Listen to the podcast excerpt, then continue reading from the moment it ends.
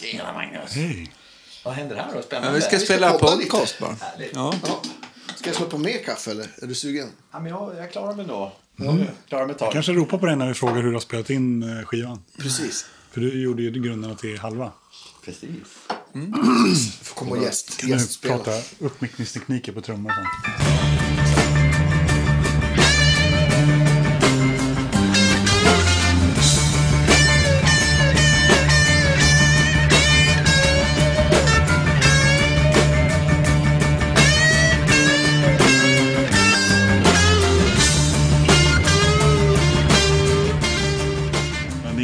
Vi ska prata om. Nej, precis. Vad är det här för då? Jag vet inte. Jag tänkte vi skulle prata om, om Magnus och hans kommande platta och Ja, hans just det. Du ska ju släppa, du gitarrprylar släppa och- nytt, ja. Ja, precis. Du har ju, du har ju smygsläppt lite, har Ja, jag men jag har släppt två låtar eh, redan. Och eh, kanske till och med tre när det här sänds eh, som Ja. singlar. Men det får vi se. Ja. Och innan, innan vi går in alldeles för djupt på det så kan du avslöja ett releasedatum? Eh, jag bestämde att det blir 10 december som jag släpper plattan. Vad kommer, kommer det vara eh, ett, ett kalas eller är det bara att då släpps det? Nej, då släpps det digitalt. Eh, Kalaset hade varit jättebra nu att kunna säga datum för här nu. Men jag tror att med tanke på min situation och tre barn och pappaledighet så tror jag att det blir någon gång efter jul. Okej. Som Men vi- ett vi, litet gig kanske. Du, du får, vi det sprider får, får bli lite raketer från balkongen helt enkelt. Ja, exakt. Ja, men precis. Ja, men vi kan väl, eh, då, då det blir ett gig så delar vi såklart det också. Ja, men det var ju eh, toppen. Och trevligt att vara här förresten. Ja, vi, har- vi har ju vi har inte ens sparkat. Kan inte du sparka igång Eh, välkomna till mina damer och herrar till The Guitar Geeks podcast. Eh, och idag har vi en, eh, en eh, återkommande gäst, Magnus Josefsson. Så välkommen hit. Ja, Och Tack. du släpper nytt. Eh, Senaste, gång, senaste gången vi eh, hade äran att träffa dig, det var ju på Idol-studion. Just det. Ja. precis. Vi gjorde en genomgång av din rigg som du hade där. Ja. Det var ju kul. Ja, det var Eh, Det jättekul. är fyra år sedan, ja. ja. Ja, Är det någon, vet du om det är någonting kvar av gitarrer, stärkare och pedaler idag? Sen dess. Sen dess? Du hade en 101 kommer jag ihåg. Nej, men det är mycket. Jag, jag tror inte jag eh, har sålt så mycket sen dess. Däremot så kan jag säga att jag inte spelar på kanske inte exakt den riggen så mycket just. Men jag har kvar stärken i case i min eh, friggebo. ja. Den är alltså inte, jag tror inte den är spelad sen Idol-säsongen 2018 på gig. Men, Ja. men eh, jag är en fantastisk stärkare som jag aldrig kommer sälja. Men av naturliga skäl så jag har dålig rygg och ja, ni fattar. ja. Du får ställa den i din studio. Den låter ju väldigt bra med, med oxen som jag vet. Att Ja, ja men absolut. Eh, Den har bara inte ko- kommit därifrån. Nej, Du har inte orkat lyfta den från Nej. friggeboden till bilen. Precis. Pedalbordet är också rivet sedan dess. Jag hade väl ett stort pedalbord men nu har jag konverterat det till ett litet och ett, Ett ryggvänligt. Ja, ett ryggvänligt och ett, mellanstort pedalbord. Ja, ja, okej. Alltså får jag fråga så här, när ni pratar mellanstora pedalbord, då behöver man ändå vara minst två va? För Ja, det. exakt. Ja. Gaffeltruck och... Eh, på att säga fribrottare. Var kom det ifrån? Är du fribrottare? Nej, jag. Man måste ha gaffeltruck eller vara fribrottare för att orka lyfta sig. Nej. Fribott- Jag, vet inte jag försökte tänka på en stark Ni människa. hade ju, ni hade ju någon gäst där för några år sedan. Var det Jonas. Göran, Jonas Göransson som håller på med Ja, styrkelyft? precis. va? Det är det. eh, Ja, jag önskar att jag vore precis. Jonas Göransson ibland Ja. när man bär sitt pedalbord, men det är jag inte. Pelle Holmberg är ju brottare. Ja, han, han, är, han borde ha ett riktigt stort pedalbord. Tycker jag. Men, men, eh, Men, förlåt. ja, förlåt. Varför sa du Magnus? Nej, men gi- gitarrerna är kvar allihopa. Och jag har Okej. adde- adderat några sedan dess. Men det kan vi återkomma till. då Ja. kommer jag ihåg att det var väl ändå, eh, vilken var det som gick varmast då av gitarrerna? Nu står det helt stilla. Shabatten, Men, tror jag. Jag spelade jättemycket på en Shabbat-tele då. Ja. Och den spelar nog, det är fortfarande en av mina störst, eller mest frekventa arbetshästar kan man säga. Ja. Den och en Fiesta Röd Sonnemo Strata och min 335 är nog de jag spelar mest på. Just det. Och den 335 är din gamla 80-talare, va? Exakt som... Ja, det är den som står här bredvid er. Cherry. Ja, mycket fint. Absolut. Men, men det känns som, ni som ändå är lite så här ehm, eh, session-killar, ni verkar ha gärna en tele som en arbetshäst just. Stämmer inte det? Att det är oftast den som rycker med om det bara blir en gitarr. Tycker jag, det eller Strata. Alltså jag föredrar. Lite beroende på gig. Men Ja, men precis. Alltså jag, det är nästan som att eh, det, för mig måste det vara en tele med någonstans. Även om jag spelar mest mot annat så är det som att den, det är min så här, trygga punkt. Är det din trygga punkt? ja, det har blivit så. Ja. Det var ju Stratta förut. Ja. Men, men vad, vad är det som, eh, som Shabatten har som gör att den har liksom blivit en keeper? Sådär? Det är något med... Ja, det, alltså jag tror jag hade lite tur att det var ett bra X också. Det är Jag något- känner den är, den är snygg bara. Den, ja, det, det är den faktiskt också. Den nej, men, men eh, jag, jag har provat någon annan Shabbat efter det som jag inte tyckte var lika bra. Men nej, den är, har bara den perfekta frekvens. Eh, den låter bara väldigt mycket mer tele än min Fender-tele som jag har också. Ja. ja, det är ju fascinerande. Eh, Och, och vad, vad kör de för mickar? Vet du det? Oj, det skulle jag kommit ihåg. Jag kommer inte ihåg faktiskt eh, vad det är på den. Jag är ledsen, men det är... Jag tänker, är det någon eh, lyssnare som tänker på kaffe just nu? Så tänker ni helt rätt. Så, så tänker ni helt rätt. Det är nämligen en ny, eh, en ny laddning brown sound här på gång. Ja, exakt. Ja. Ursäkta Ja. störljudet. Det lät väldigt mycket här ett tag. Ja, slurpras det inte så eh, gör vi nytt. Men det är precis när jag skulle prata om mickar på min tele som jag inte kommer ihåg vilka det är. Då kanske Då man istället fokuserar Ja, på kaffeljudet. Ja, exakt. Vi behöver ju mer kaffe för att komma ihåg. Ja, men vad det jag kände att ja, men vi måste nog slå på lite mer kaffe. Sen hann vi köra igång ändå. Ja, absolut. Men sen jag måste jag ja. faktiskt säga att eh, men jag har en sån Mostrata som jag älskar och den har jag ju satt eh, Lundgren-mickar på. Lundgren B- BF. Ja. Eller du har gjort så att säga. Ja. Men sen, jag gjorde, sen vi gjorde den eh, att på mittenläget så är det både stall och halsläge kopplat. En sån klassisk modifiering. Så har jag faktiskt använt den också lite mer för då får jag den tele. Det är inte, låter inte tele men det, Mer åt det hållet. jag närmar mig. Så då, har jag, då är den lite mer allround för min smak. Jag har, jag har ju en stratta nu som, som jag har haft lite som en experimentstratta. Eh, stratta. och det, är- det är egentligen bara en Japan-kropp och en eh, amerikansk hals som jag har bandat om och lackat och sådär. Men, men eh, det jag funderar på, jag älskar ju liksom alltså stratta mixuppsättningen, men, men jag skulle vilja ha den som lite mer rockgitarr och jag har alltid tänkt så här att jag ska sätta en humbucker i stallet, men då är det sällan det här splittade ljudet blir så himla kul. Nej. Och, eh, så att min plan är nu att jag ska ta ett så här BJF-set och köra dubbla mittmickar. Fast den ena mittmicken sitter då i, eh, alltså som på en gammal Char- Charvel gjorde väl så, Ja, just det. Så att de sitter emot stallmicken, alltså rygg i rygg eller på något sätt. Eh, bredvid varandra. Så att jag kan ha det som en split, eh, split så att det låter precis som en bra strata, splittat. Och sen så har jag en humbucker-läge. Och allting på en multi-switch tänkte jag på. Vad är en multiswitch? Alltså, multiswitch är en, en femläges strata-switch, men du kan välja exakt vad i- varje, alla de här fem punkterna ska göra. Och jag, som ni vet, Okej. och jag har erkänt i många program, att jag hatar ju ägglägesljudet. Eh, och, eh, så att jag kommer nog bara köra eh, halsmick, eh, mittmick på läge fyra. Eh, och sen så kommer jag göra några handbacker serieparallell på de, eh, på, Just på de och, andra- och, och, på andra Du kommer Så- alltså inte köpa Cory Wongs signaturstrata? Nej. Som Eh, har en, eh, det jag tycker är genialt, en knapp som är så här panic button för äggläge. som gör att du kan trycka in den och då är det äggläge i alla positioner. Ja.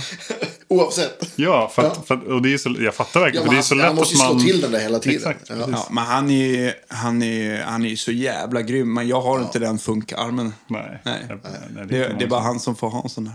Han tackade ju ja, men sen blev det inget. Vi får ta tag i det igen, känner jag. Han kanske Han blev för- han blev för nervös. Ja. Han är ju grym faktiskt. Ja, men jag, alltså, jag fattar om man vill spela funk. Jag kan inte spela funk så att jag, jag ska inte ha äggläge helt enkelt. Det var en eh, intressant mickuppsättning där. Det var. Nej, men jag funderar också på att göra någon sån här eh, på eh, ett av eh, kanske läge tre. Att ha... ehm, för det kan jag tycka är rätt snyggt att få ehm, fasvänt. Just det. Så att, eh, vi får Du, se jag vill det... verkligen höra utvärderingen på det där. Ja, det låter mycket intressant.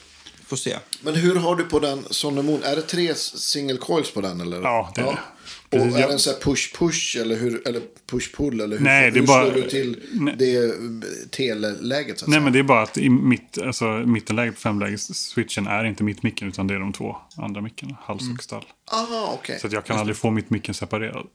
Just det, jag fattar. Det är eller off offringen jag fick göra. Ja. Ja.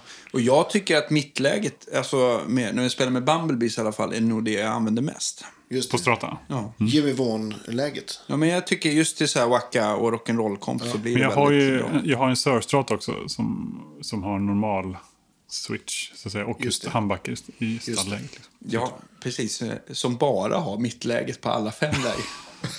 Så, precis. Den har, hur du än gör så är det en splittad humbucker överallt. Ja. Nej. Nej. men, är det, men är det originalmickar på den eller? Nej, den har Danne varit rot, rotat i också. Eh, nej, Vad jag- satte vi i den? Ja, nej, det sitter Sörmickar i men jag bytte. Jag kommer faktiskt inte ihåg nu. Men Nej. jag bytte till något som var lite mer vintage än original. Just som det, den? SSV eller något sånt där. Den Ja, var jag- ganska hot. Jag kommer inte ihåg faktiskt. Men jag gillar ju det. Alltså, jag vet inte om... om eh, du hann ju lyssna på klippen så här när du redigerade Lundgren-programmet. Ja. Men den där uh, Strata Hot tyckte jag om väldigt mycket. Alltså. Ja, den lät jättebra tycker jag. Så att jag, jag, börjar, jag, börjar, jag börjar mjukna upp lite för överlindat igen. Ja. Ja. Nej. Spännande. Vad heter det? Om vi, om vi, för folk som inte vet vem du är kanske vi ska ta lite så här bakgrund innan vi dyker ner i inspelning av platta och pedalbord och gitarrer och inspelningar och grejer. Ja. Så, men du- du är... eh, Är, är du en riktig stockholmare? Satt jag just och tänkte på. Nej, Jag trodde du skulle säga en riktig Nej, gitarrist. men, så tre, tredje generationen ska man väl vara. Riktig gitarrist blir man väl aldrig. Nej, nej, nej, det är men. Jo, men jag är faktiskt... eh, Eller du är på den där definitionen med generationer har jag inte koll på. Men jag är uppvuxen i Stockholm, Mm. absolut. På Kungsholm. Just det. Så ja.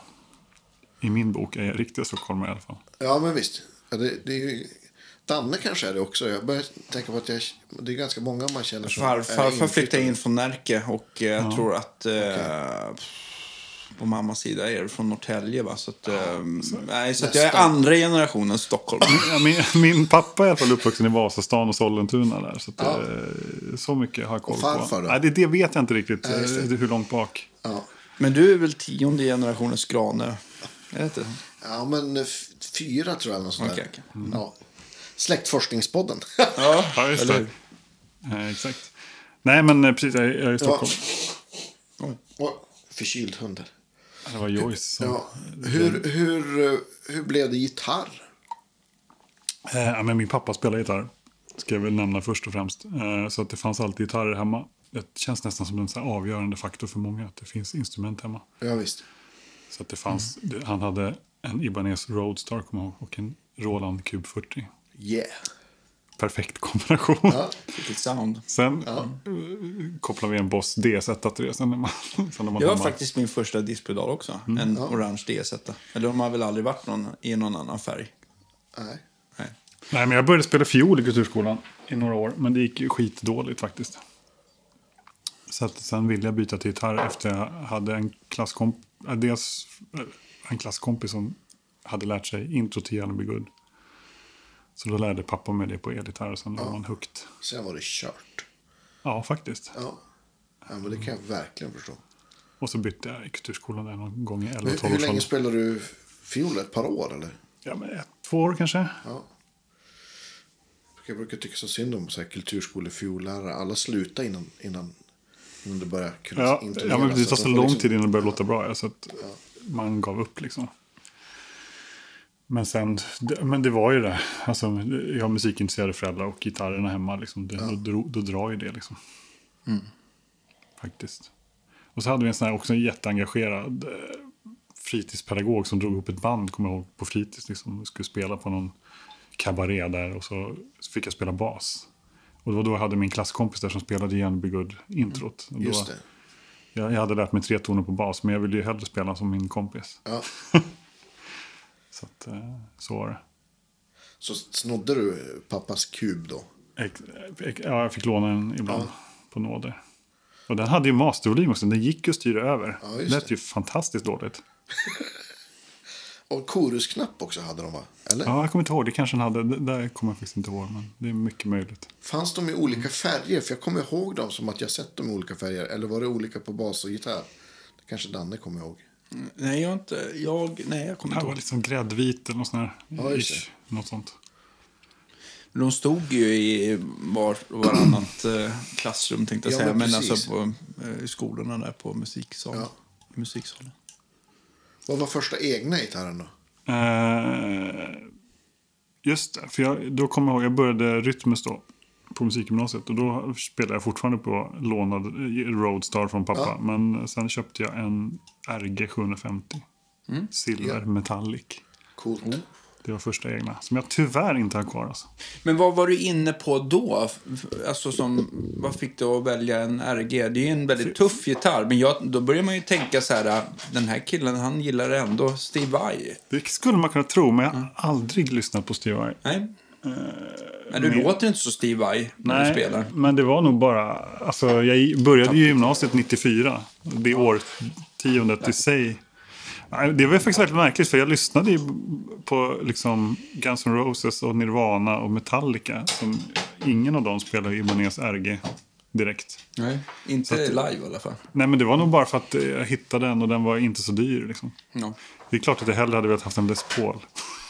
Det, fan, det hade jag inte råd med. Liksom. Nej. Var hyfsat lättspelad gitarr också. Ja, men Stora precis. band och... Jag tror bara jag råkade dyka över den snarare. Ja, men hittar du en begagnad? Eller? Ja, absolut. Jag köpte den av en punkare. kommer jag ihåg. Mm. Som, Ännu mer otippat. det och en PV någonting stark. Bandit Ja, det var... Jag, tror, jag kommer inte ihåg. PV Rage. Rage, ja, just det. Men sen eh, några år senare köpte jag någon 79 Strata. Kommer jag ihåg. Just det. Som, ja. Men då, Rytmus, vem hade du som lärare då? Första året hade jag Mattias Vindemo. kommer jag ihåg. Jaha, just det. Han var lärare där ett tag. Jag var inne på helt andra grejer då. Ja. Han, ju, han är ju fantastisk jazzgitarrist. och- Ja, men visst. Men jag var, liksom, jag var inte mogen för att, ha, för, för att lära mig jazz då, kommer jag ihåg. Så jag, det var, jag tror han försökte lära mig altererade skalor och grejer, men allt jag ville göra var att lära mig spela fort.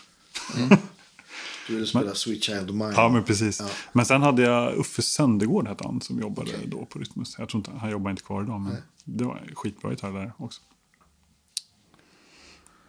Det- hade, du- hur länge hade du Vindemo då? Ett år eller? Ja, ett år precis. Exakt. Och det var när, eh, när det låg vid Münchenbryggeriet, va? Ja, precis. Exakt. Där. Jag började 94 där. Så Ja. det var, liksom, Rytmus hade precis startat. Det startade 93 tror jag. Ja, var det rörigt på den tiden eller var allting... Nej, det, det, all- allting var nog inte helt på plats. Nej.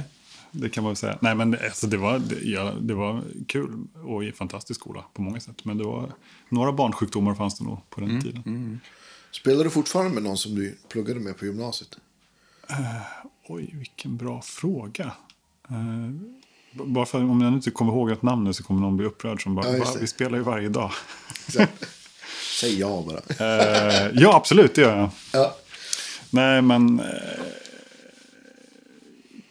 ja, det gör jag nog förmodligen. Men nu kommer jag inte ihåg. Men kanske inte så mycket i min klass eller årskurs. Nej. Sådär. Men Men som gick där typ. Vilka Ja, fler gitarrister gick, det gick du tillsammans med? I min klass? Ja. Är det några andra som man har stött på? I min klass vet jag inte om det eh, är så många aktiva just nu. Nu kanske jag också gör bort mig. Men, eh, eller som ni haft som gäster vet jag inte heller. Men eh, ett år under mig gick Mattias Fjällström till exempel. Och vi spelade ihop redan då i någon ensemble, kommer jag ihåg. Fantastisk gitarrist som nu sitter i Idolbandet förresten. Precis. Han måste ni ha som gäst. Ja, men han har tackat ja. Det har bara, vi har bara inte lyckats Det är bara vi det. som har tackat nej. Jag bara. nej men det är klart vi ska ha honom. Ehm, till exempel. Och någon klass till under mig gick eh, någon trummis, Robert Ikis till exempel. Spelar, Just det. spelar vi inte mycket nu. Vi spelar mycket då, men inte så mycket nu. Ja. Ja, nej, men det gick... eh, Nej, men Rytmus har väl alltid varit en plantskola för, för musiker sådär. Tänker jag. Ja, absolut. Ja. Men s- under, så på gymnasiet, började musiken breddas då? Jag tänker du sa att du köpte en stratta sen. Ja, men då var det väl som eh, man upptäckte, eller för mig var det att jag upptäckte väl kanske, jag började halka in lite på blues och via, via rocken så hamnade man lite i bluesigare. Ja, men Guns N' Roses var ju så här husgudar för mig på högstadiet. Ja. Och sen via dem tror jag snöade in på Zeppelin ett tag och då var steget därifrån inte så långt till blues. Ja, visst. Och så pappa lyssnade på Clapton och så lyssnade man på någonting där. och sen helt plötsligt så dök Fusion upp på Mike Stern och sen var man inne på jazz helt plötsligt. man kommer inte ihåg riktigt hur det gick jag till. kommer ihåg, är det första gången jag träffade dig, då var jag uppe i Falun. Det har vi säkert sagt i förra podden, men, men för att... ehm, eh, Jag kommer inte ihåg det. Nej, men eh, det var i alla fall så. Vi spelade på någon sån här blå tisdag. Just Eh, och ni körde med Blues Addiction och jag hade Young Guns. Och det här måste ju varit tidigt, alltså kan det ha varit 2000, 2001 där någonstans? Men jag tror att vi har träffats innan på, på bla- jammet. På Ja, på. Jamma, på Bluesjammet, absolut. Ja. Men, eh, Men det var ju kul, det var ju bra plant. för det då var ju kom, bra. det, det kommer, jag kommer aldrig glömma att du var där på jammet med någon hårdrocksgitarr. Ja. Jag hade långt hår i början. Sen började man klippa sig och jag hade någon sjusträngad libanes. Och, Yeah. ja, Exakt. man började, det var en brant uppförsbacke, men den kom jag över. Men det kanske var första gången som vi spelade ihop på det sättet. Ja. ja. Eller Ja, men samma var också så här, jag var ju också inne på någon, någon slags eh, flyhänt hårdrocks... Eh, ja. Men eh, man lugnade ner sig med tiden. Och, ja, men det Ja, var men kul. Bara för att nu när det ändå var uppe med jammet där, alltså bluesjammet på Stampen där som Brian Kramer har hållit i sedan 90-talet, måste man ändå bara hylla lite. Ja, det har ju legat lite nere nu under pandemin och sen så flyttade han till Ängelen. Men alltså att ställa sig där, eh, ja, där varje- nästan, nästan 50, eh, 50 lördagar på ett år. Ja. Alltså sen 98. Nej, men jag, jag Det är blev- helt otroligt. Alltså, Alltså. dels det, och sen att man liksom, jag var där massa lördagar i sträck. Och jag vet inte hur mycket man lärde sig på det. Alltså. Man bara får lyssna på andra och, Ja. och Stå inför få spela. publik ja, men också sådär. exakt. Ja, det var... Ja, men det är verkligen kulturgärning alltså. Och jag kommer ihåg att jag ändå fick... Brian fick någon spelning och han frågade bara om jag kunde hoppa in och vara i husbandet. Och, ja, Då får man ju hålla lite grann sådär. Men det är, det är mycket mer jobb än man tror. För att man måste vara lite polis om det, om det blir liksom för... Eh, att någon har druckit för mycket eller att det är någon som är som... Eh, för att folk går ju om det liksom blir för låg nivå. Så att man måste, liksom, man måste dra i nödbromsen i värsta fall. Och så får man ändå se till att alla ska spela. Så att det där är ju... Hur drar man i nödbromsen utan att folk blir arga, tänker jag? Eller? Det Ja, måste vara konsten. Liksom, det som Ja, är det svåra. exakt. ja nej, det är svårt. Alltså. Men, det, men det var ju inte så ofta det var. Men det var ju, ja, det var ju folk som kanske var väldigt nervösa och så dämpade de det på olika sätt då, med alkohol. Och då blev det, då blev det både... Ja, det blev som det blev. Ja. Men var du där liksom under, under hela gymnasietiden då? Jag kommer inte ihåg när det startade bluesjammet exakt. där, Men, nej, men det var där då i trean och kanske något år efter gymnasiet. När man upptäckte det där och tyckte det var kul. Ja, men man, upp, ja, man tyckte det var kul med blues helt enkelt. Och liksom... Det var kul att träffa andra musiker och... Ja, jamma helt enkelt. Jag tyckte det var så kul för att det äntligen så var det ganska lätt att få gigtillfällen. Alltså att det var liksom, det fanns, det fanns ju Wirströms, jag kommer ihåg att ni spelade väl på, eh, alltså på Götgatan där. Och eh, alltså, det. alltså det fanns Big Ben och det fanns hur Just många det. ställen som helst att, att spela på då. Så att det var, man upptäckte att det var, eh, man behövde inte stå liksom flera dagar i, i veckan i replokalen utan det gick att Ja, det fanns fyra, fem ställen i Stockholm man kunde spela blues på. Ja, alternera. Så det var ju grymt. Liksom. Men det, det, så är det ju fortfarande. Nu har de ju Klara och Stampen och sådär. Men, Precis. men eh, ja. Så att det är fort... Det, Ja, ja, men det är en... en eh, tänker på att Brian Kramer kanske vi borde prata med också. ja, absolut. Absolut. Verkligen. Ja. Vad heter det? Efter gymnasiet då? Blev det... Jag vet ju att du har pluggat vidare, liksom, men bara, gick du direkt vidare till något annat? Eller var det liksom... Jag hade något år emellan där när jag pluggade på en skola som heter KMI. Då var det Kommunala musikinstitutet. Ja, Det var en fortsättning på kulturskolan när man kunde plugga jazz ett år. Jag gjorde Ja. det halvtid. Och sen gick jag folkhögskola eh, Fridens folkhögskola i Svalöv där i två år. Men då var jag helt insnöad på jazzgrejen. Så, Ja. ehm, så det var det som hände där i slutet av 90-talet. Mm. Och sen gick jag musikskolan efter det Just det. i Stockholm. Jag tror att det var då vi lärde känna varandra. Du gick på musikhögskolan och jag gick på SMI. Så spelade vi ihop. Kan det ha varit så? Eller hur, hur Eh, bra fråga. Men här är mitt minne sviktande. Alltså. Jag tror att vi, vi spelade med Tom Steffensen och Frida Arn. Just det, men det är där i krokarna. Var det där i krokarna? Runt 2002, 2003 kanske, ish, någonstans. Någonstans där, tidigt 2000. Just Vem det. var det på bas då? Ja, vem var det då? Jag, kommer faktiskt inte ihåg. Var inte det Koffa? Nej. Ja, det kanske det var. Ja. Ja, herregud. Ja, men Jag, jag tror att det var, det var så vi lärde känna varandra. Ja, men precis. Jo, för att, eh, Rickard Brandén var med från början på Pedestil där. Sen så tror jag han inte kunde vara med ibland. Sen kom, kom du med på ett hörn där också. Precis. I ett band som heter Rose Buddies. Precis. Och jag tror att vi lärde känna varandra innan dess faktiskt. Ja, absolut. Men jag, jag kommer inte ihåg. Det började vara ett tag sedan. Ja, men för där kanske man började gigga runt med lite coverband och sådär. Och Ja, men precis. har vi liksom varit i samma kretsar länge. Sen dess har vi vickat för varandra. Fram och tillbaka. Ja, men ibland kan man ju skämtsamt säga att halva min karriär har bestått att jag har vickat för Andreas Rydberg. Nej, det ska jag inte vilja säga stämmer. jo, nu säger vi så. Ja, det bra. Men när, för det, alltså, det stämmer väl eh, någonstans, för ni har väl kört eh, samma ABBA-band? För ni har väl, eller hur har det funkat? Jo, men precis. Det är ju någon typ av... Så här, Och, och vilka gitarrister har, för det är väl, i det bandet så är det väl egentligen bara en gitarrist, men det är svårt, det spelar ju så otroligt mycket så att det är svårt att hinna med alla gigs vad jag förstår. Precis. Vilka brukar vara i gitarrpoolen som, som, eh, som får åka med? Det har varierat lite, men det har ju varit du och jag länge och Joel Salin har varit med Precis. där. En Ja, hel del förut i alla fall. Eh, I det bandet, så att säga. Eh, Just det. Och så finns det ett till band där Lasse Bjurhäll brukar åka en hel del. precis. Exakt. Ja, exakt. Och det brukar vara ganska många turnéer och väldigt, ibland långa turnéer, så det är svårt. Att Har ni spelat med bägge de här? För det är ju två ABBA-coverband. Nej, jag har inte det. Jag tror, jag tror Lass, Lasses tror jag gör alla gig med det där bandet. Så att Ja, ja, okej. Mm. Han har väl gjort det i tio år tror jag. Så, men, men, men det bandet som jag och Magnus spelar med, det är ju ganska skönt att kunna... Ja, men, det är långa turnéer och, och man gör andra saker. Så det är både kul och skönt att kunna dela upp det. Liksom. Ja, precis. Vä- Väldigt bekvämt. Där är ju Katja och Camilla som har bandet tänkt väldigt rätt. Att de har tänkt att det ska vara lite så här musikerpool, att det finns några på varje plats. Just det. Så det är ju skit, skitbra tänkt, tycker jag. Precis. Och nu ska du ut på en lång Skandinavien-turné med dem här snart. Ja, men precis. Jag tror att då det här sänds så har den till och med varit redan. Ja, så Ja, kan det men vi, vara. bunk, vi, bunk, vi bunkrar lite avsnitt nu. Ja, men exakt. Inför, inför höstens turnering. Men, och jag vet, du har ju en... Du, du ska väl precis bara ta ett djupt andetag och så sen ska du göra 92 gig på 14 dagar eller något Nej, det var en överdrift. Eh, nej, men när det här sänds, då, har vi åter, då har jag precis kommit hem från en turné, så kan vi säga. Ja, exakt. Så nu kan jag säga, jag har precis varit på en lång turné.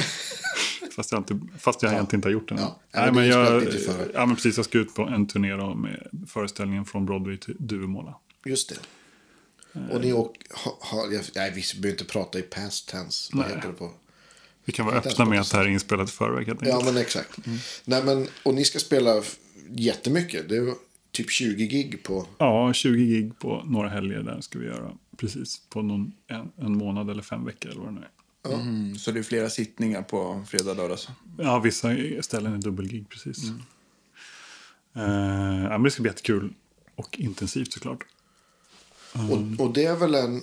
Ni spelar musik. Det är liksom en konsert mer än en musikal. Och ni spelar musik från olika musikaler, eller hur? Precis, det är en konsertföreställning som går, kör runt på ett konserthus och så spelar vi låtar från olika, best of låtar från olika musikalföreställningar med liksom eh, fem stycken frontare liksom som gör olika solonummer, duetter eller ensemblenummer som man säger. Så det, det är skitkul alltså. Och då kommer den viktigaste frågan. Vad kommer du ta med dig för rigg på den här Ja, turnén? men alltså att, att du ändå frågar. Eh, Nej, det är, jag har gjort den här turnén en gång tidigare och då körde jag ju... Jag har bytt rigg nu faktiskt. Men då körde jag ju S66an eh, One Control-stärken. Mm. Och den funkade skitbra. Men nu kommer jag köra Insulander faktiskt. Ja, kul. Eh, Idel svensk designat. ja. Eh, bara för att det är roligt. Och att jag, Ja. köpte, att jag köpte en Insulander. Eh, och så ett litet pedalbord och så har jag bara med mig tre elgitarrer tror jag. Så att det är liksom en ganska inte så komplex rigg. Vilka elgitarrer åker med då? Eh, Sonmostratan, Telen och min SG. Ja, Mm. inte 335 alltså. Nej, men det är för att alltså 325 är ju, älskar jag såklart. Men jag tycker den är svårare att kombinera i samma rigg som eh, mina single coil-gitarrer. Oh ja, det, det blir mycket mer Ja. låg. Och och är, SG'n är mycket bas. lättare att kombinera om jag ska ha en handback-gitarr. För den Ja, är, är lite sant. liksom, inte lika basig och lite så här. Även om jag har faktiskt samma mickar på båda SG'n. Throwbacks på båda Ja. SG'n. Och, Men det är eh, väl det som är så himla kul, att just att eh, mickarna förstärker upp lite grann hur gitarren ja. låter. Nej, men även om det är samma mickar på de två så är de ändå helt olika. Liksom. Ja, ja, precis. Ja, men den ena har en stor kropp som Ja. är halva akustisk och den andra är liten och tunn. Liksom. Precis, men jag älskar den SG'n. Det är en sån Angus Just det. Young-signatur. Mm, Den är, jävligt, den är väldigt Men bra. vibrola eller? Ja, precis. De är skittuffa. Sjukt bra faktiskt. X också. Så att Ja, den kul. eh, använder jag när jag vill ha liksom lite... Vi kör ju en del låtar från um, Jesus Christ Superstar till exempel. Och Just då vill man liksom ha lite mer 70-tals sound. Och då gillar jag att köra humbuckers. Liksom och, Visst. Okej, men då kör du handbacker. Vilken drive blir det emellan då för att få det här 70-talsspräcket? ja, då är vi inne på pedalbordet redan nu. Alltså. Eh, Ja, men alltså jag tänkte bara just hur, kom, hur kedjan är för att få det soundet sådär. Alltså det, jag kommer aldrig komma hela vägen i och med att jag kombinerar och bara en stärk här då. Men jag kör nu att jag har eh, Royal Blue Overdrive heter den va? Den lila. Nej, jo. Jo. jo. Eh, när jag bara vill ha lite skräp. Och sen har jag en Janray Vemeran om jag vill ha lite mer gain. Innan den? Eller? Nej, den kommer efter. Så jag kan stacka dem om jag- behöver. Men när jag kör SG så stackar jag inte dem. Nej. Utan Då brukar det nästan räcka med att bara pusha lite Mm. Royal Blue Overdrive helt enkelt. För att få att eh, spräcka upp lite grann. Jag upplever bara så här Jan Rain som är mera, den är väl som en Timmy ungefär va? Ja, men visst. Åt det hållet. Ja, den kör jag oftast med eh, Telen Stratton. Kanske lite grovkornigare om man jämför dem så här. Jag, har, jag har ju aldrig ägt någon genre. Jag bara försöker så här, tänka ur ljudminnet. Jag upplever inte så grov. Nej, det kanske inte Den är är det. lite åt Tube Screamer-hållet. Ja. Eh, Jag vill minnas att det är faktiskt tvärtom, att Timmyn är lite grövre i texturen. Ja, det kanske Det så skulle det jag nog också säga. Jag har, äger för ingen Timmy, men ibland har jag, när jag kör modulerar-stärk så har jag använt Ja, det. som en, vad ska man säga, artificiell pedal. Då. Ja. Jag kommer inte ihåg heller om den är baserad på en bluesbreaker-krets eller om det är, eller om det är en tube Jan Rain. screamer-krets i grunden sådär, fast med bas och diskant. Ja, timmen där, ja. Jag är väldigt oteknisk med när det gäller kretsar kan jag säga direkt. Mm. Men jag älskar Janrain. Så kan jag säga. ja. Jag har för mig att det är lite samma koppling där sen som, ja, men Ja, precis. Och, och det här bordet som åker med på den här, är det är det, det mellanstora eller det stora bordet? Ja, det, är det, Eller det är jättestora. det, nej, det är det lilla bordet då faktiskt. Ja. För att, ah, det blev så bara. Vi skulle ju åkt på den här turnén mycket tidigare då, men sen kom den, den berömda pandemin emellan. Just då det. hade jag kört mellanbordet där, det var planen. Men jag har liksom ändrat rigg sen dess. Men då, då är ju alla, inklusive jag och Nanne, väldigt nyfikna på hur det här bordet ser ut. Kan du inte berätta signalkedjan? Eh, då går den, det är ju... Hur stort det är liksom? Mellanstort? Det, det är ju liksom, Får det plats är här inne? 40 gånger, är det så här? Ja, det Ja, får, men det, alltså, får plats här inne. vad, vad heter det? Eh, typ cabin size. Ja, precis. Exakt. Och alla mina pedalbord har ju Göran på Sound Silence byggt ihop. Liksom. Så att den börjar ju med hans kopplingsbox. Ja. Och sen går det nog in i eh, en eh, Vampler ehm, vad heter kompressor. Den lilla. Ja, precis. Mini. Eller om det är stämapparaten först, jag kommer inte ihåg. Wamp, heter de ni... Nej, vad heter de där? Mini-ego. Ego, just det. Sa Neo, men Ego är det. Så det är den och Polytune Mini först. Ja. Det här är väldigt okomplicerat. Och sen så går den in i, i eh, Royal Blue Overdrive. In till Jan Ray. Eh, och sen sist i Overdrive-kedjan så ligger en Strawberry Red också från One Control. va? Just det. För Och den- hur använder du den då? Är det mer för lead eller Ja, precis. Eh, om jag vill ha ännu mer gain helt enkelt. Tillsammans med någon av de andra då? Eller själv? Eller? Oftast själv, men det beror Ja. på vilken gitarr jag använder. Ibland kan jag pusha den också med Royal Blue Overdrive som in i den. Liksom. Och sen på det bordet, sen ligger det också en, en sån boost från One Control. Som jag kan använda som so- solo boost om jag behöver. Är det Granite Grey Ja, då? Granite Grey, Mm. Den har ju kommit som en version 2. Är det bara färgen som skiljer eller är det någonting annat som har hänt? Jag tror att det är färgen. Som Björn förklarar så tror jag att de har bytt fabrik.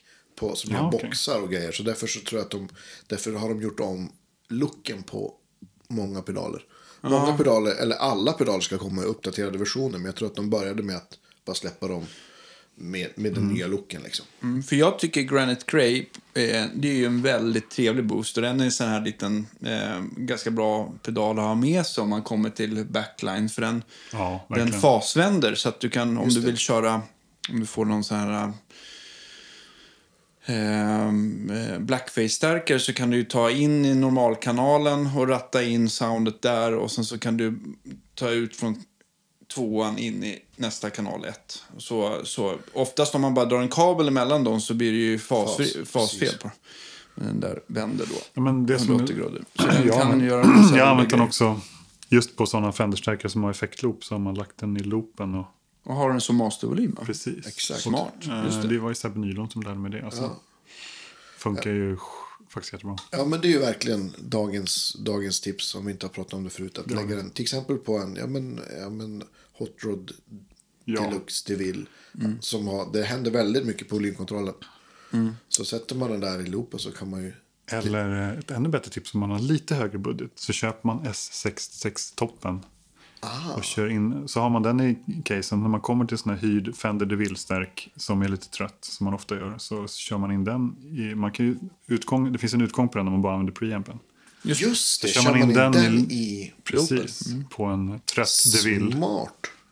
Ja, då- det, det blir mumma kan jag tänka mig. Ja, Ja. Då, då blir det bara helt plötsligt en rolig Fender-stärk från en tråkig Fender-stärk.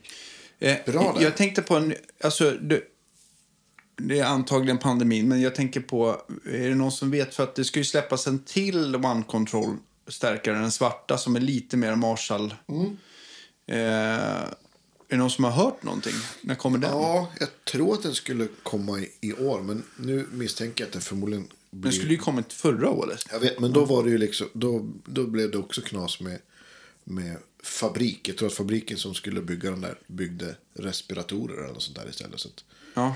eller om de bara byt, bytte Det helt kan inte vara fabrik. många del, eh, komponenter som skiljer, tänker jag. Nej, jag tänker inte jag heller. Dist och att andas, det är ungefär samma. Lika, det, man behöver ungefär lika mycket. Ja. Nej, men det är vad Björn har sagt till mig. Så att, Okej. Men För- nu har jag inte frågat honom. Men jag skulle, jag skulle nog gissa att den inte kommer förrän näm efter jul då. Okej.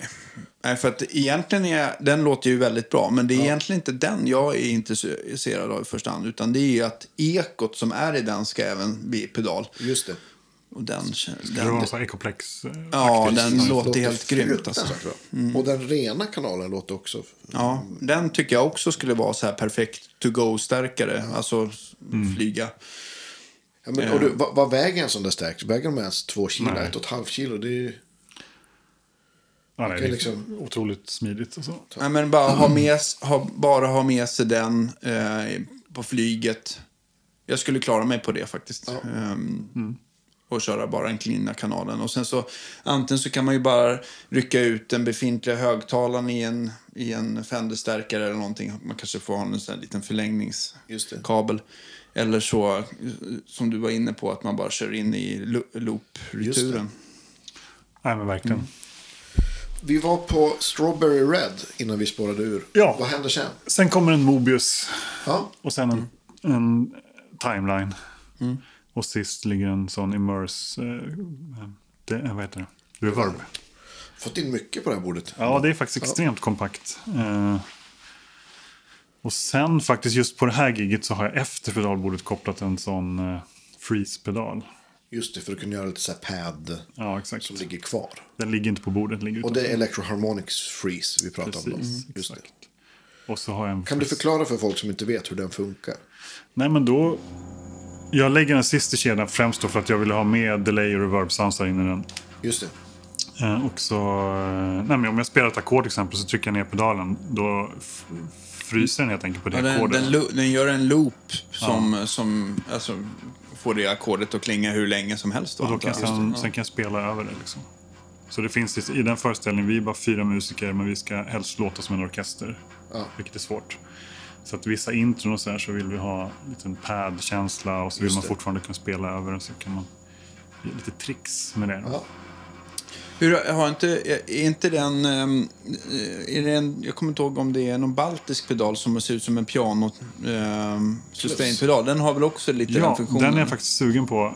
För Den verkar vara lite... Freezen har ju bara en liten vanlig sån switch-knapp. Som är lite så här... Game Changer Audio. Lite svår att komma åt den där pedalen med... Det verkar vara en smartare lösning helt enkelt för att kunna hålla ner den. trycket. Den är cool. Jag, jag har den såklart. Nej men, Nej, men, jo, den står där inne på skrivbordet. det låna som- ut den kanske? Ja, absolut. Vill du låna? Du bara testa. Det som är coolt med den är att den har ju liksom en pianopedal. Och det man kan göra med det är att man kan ju använda alltså, den pianopedalen så att säga. Det blir som en gaspedal. Så man kan öka och, och, och sänka volymen på det man har liksom eh, fryst så att säga. Smart. Vilket faktiskt är väldigt användbart. Ja. Så att om man till exempel säger att man har fryst två toner som funkar jättebra på alla ackord utom, vad vet jag, då sticket kommer, då kan man bara här, ta upp den där lite. Så. Just det. Till exempel, nu hittar jag på bara on the fly. Men... Och den har också en loop så man kan lägga effekter så att det bara blir effekter på det man Just fryser. Och, ja, Ja men smart. de, har, de har tänkt till. Ja, Jag har sneglat på den men jag har inte kommit till skott. Nej. Eh, nej men det, det, är inte- det var kedjan. Helt Ja, enkelt. och, och in i Insulander nu då, Ja, helt precis. enkelt. Ja. Och den jag, ska vi säga också, jag har moddat ur en överdrift men jag har bytt ett förstegsrör där i den. Okej. På tips av Ola för jag tyckte att Gaina lite snabbt kanske? Ja, eller inte gaina snabbt, men den, eh, det är en himla utväxling på volymkontrollen där så att jag tyckte den var svår att spela svagt på. Mm. Men så bytte jag ett förstegsrör och då var det lite... Från 12 AX7 till 12 AI7 Precis, kanske? Ja. eh, och då passade den mig lite bättre helt Ja. enkelt.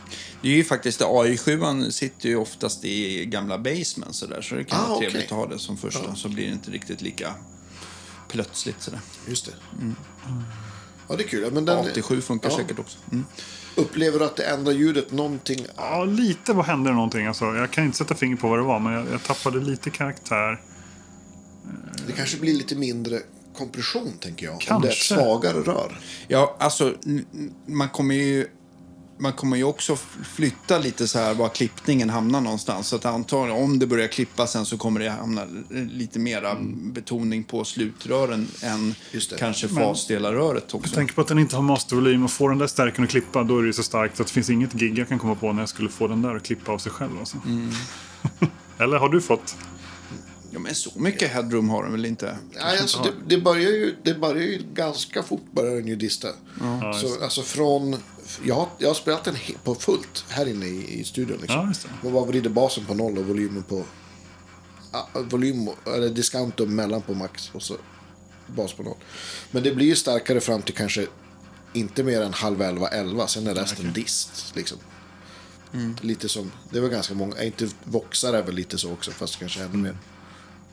Ja, Baseman är ju så verkligen. Ja. Den, den med A- AX7 så, så, så styr den ju över redan vid klockan 10. Börjar den klippa. Det beror ju på givetvis vilken, vilken gitarr du kopplar in också. Det är Ja, ju en jätteskillnad med, Ja. mellan en Strat Verkligen. och en SG. Men, men, eh, så att, ehm, Men du skulle ju kunna köra stärken bara på fullt och så kör du på volymkontrollen på gitarren. skulle jag kunna göra, absolut. Det är en alternativ. Ja, men jag, nej, det, funkar inte för mig. Nej, det är Men, eh, få gig det funkar faktiskt. Någon gång. Men däremot, det blir... Jag tänkte på det, få in folk som vill eh, att jag byter volymputtar och eh, ton, eller så, grejer går sönder. Och så vill de ju flytta över sin eh, treble bleed som är ganska... För att om man ska spela en stärk på lite fullt och ha allting på volymkontrollen Ja. så blir utan treble bleed så blir det ju som att det, det, det luddar till för mycket och man tappar liksom dynamik tycker jag. Ja. Och sen så sätter man bara en liten konding där över då blir det ju som att det känns som att all kropp försvinner när du vrider ner. Det finns det. bara det här något hifi-sprill kvar. Ja, det- Så det där är ju oerhört viktigt att man balanserar in. Och jag tycker att det finns några recept som jag har lärt mig av Björn Juhl som jag har uppskrivit. Och det är, um, då får man ju parera in det mot hur lång kabel man har Precis. och vilken typ av eh, värde och mikrofon man har på. Eh, eller, Ju- Just treble bleeds, för att det ska bli riktigt bra, är det inte att man gör det med den kabel man ska använda och, och lyssnar? Är inte det Ja, precis. receptet? Ja, precis. Så det, jag tycker att det, det, det gör väldigt stor skillnad. Så för er som inte har fått till det där så går det faktiskt att balansera upp i alla fall. Så det är bara att komma förbi. Om man har eh, det, det går fort. Ja.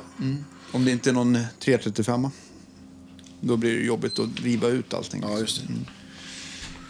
Ja, men jag tänker att vi ska prata lite grann om... Du ska ju släppa en skiva. ja. Soloskiva nummer två, är det inte så? Tre? Nummer ett. Nummer ett. Fast The Soup var väl ganska mycket du också? Ja, men det var ändå ett band. Det var ändå ett band, ja. eh, Där vi gjorde det tillsammans och alla skrev låtar också. Så Ja. det var en annan grej. Eh, Men visst, jag var ytterst delaktig i det också såklart. Men det, det här är ju bara mina låtar då. Mm. Nej, men precis. eh, Jättekul såklart. Eh, Och lite läskigt. Ja, men visst. Hur, hur, länge har du... När kom du på att men jag ska göra en platta? Eller insåg du bara att ja, men nu har jag ju ett gäng låtar här, jag kanske ska göra någonting? Eller hur v- växte det fram? Ja, det var bara, för mig funkar allt så att man får ett kreativt sug efter ett tag när man har agerat komphund för länge.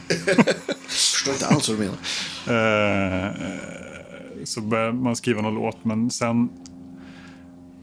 Så att det är för flera år sedan, så kom, kanske fyra, fem år sedan var jag sugen på att göra och skrev nog första låten då också. Men, men sen är det ju det här med att man jobbar som musiker och numera tre barn och även undervisar ganska mycket. Så att, Ja. så att liksom få tiden till att göra den, den är inte lätt. Nej. Så det har tagit ganska många år, inte för att det har tagit flera år att göra utan för att man gör lite då och då. Liksom. Men, men jag tänker också under, under tiden man gör, alltså om man håller på med en platta så länge och har det varit svårt och soundmässigt att liksom Alltså jag tänker att man kanske ändrar smak eller att man spelar in på olika gitarrer och på olika Absolut. sätt att hitta... För man vill ju ändå ha någon slags röd tråd och bli nöjd med soundet över hela plattan sådär. Jo, nej men så här, det, vi gjorde en session där vi spelade in grunder. Jag kommer faktiskt inte ihåg om det är tre år sedan kanske, första. Och sen gjorde vi en session till, men det var bara något halvår senare. Så att, och inspelat i samma studio, Ja, det är inspelat här. till och här på, i Kultivator. Eh, så Det är ett väldigt då- liv från glasmästeriet Ja, de kör- ovanför. De, De- kör uh, glassåg. Det Ja. låter så här. Du har väl lyssnat på både kaffebryggare och glasågar? där? Ja, exakt. Trevligt.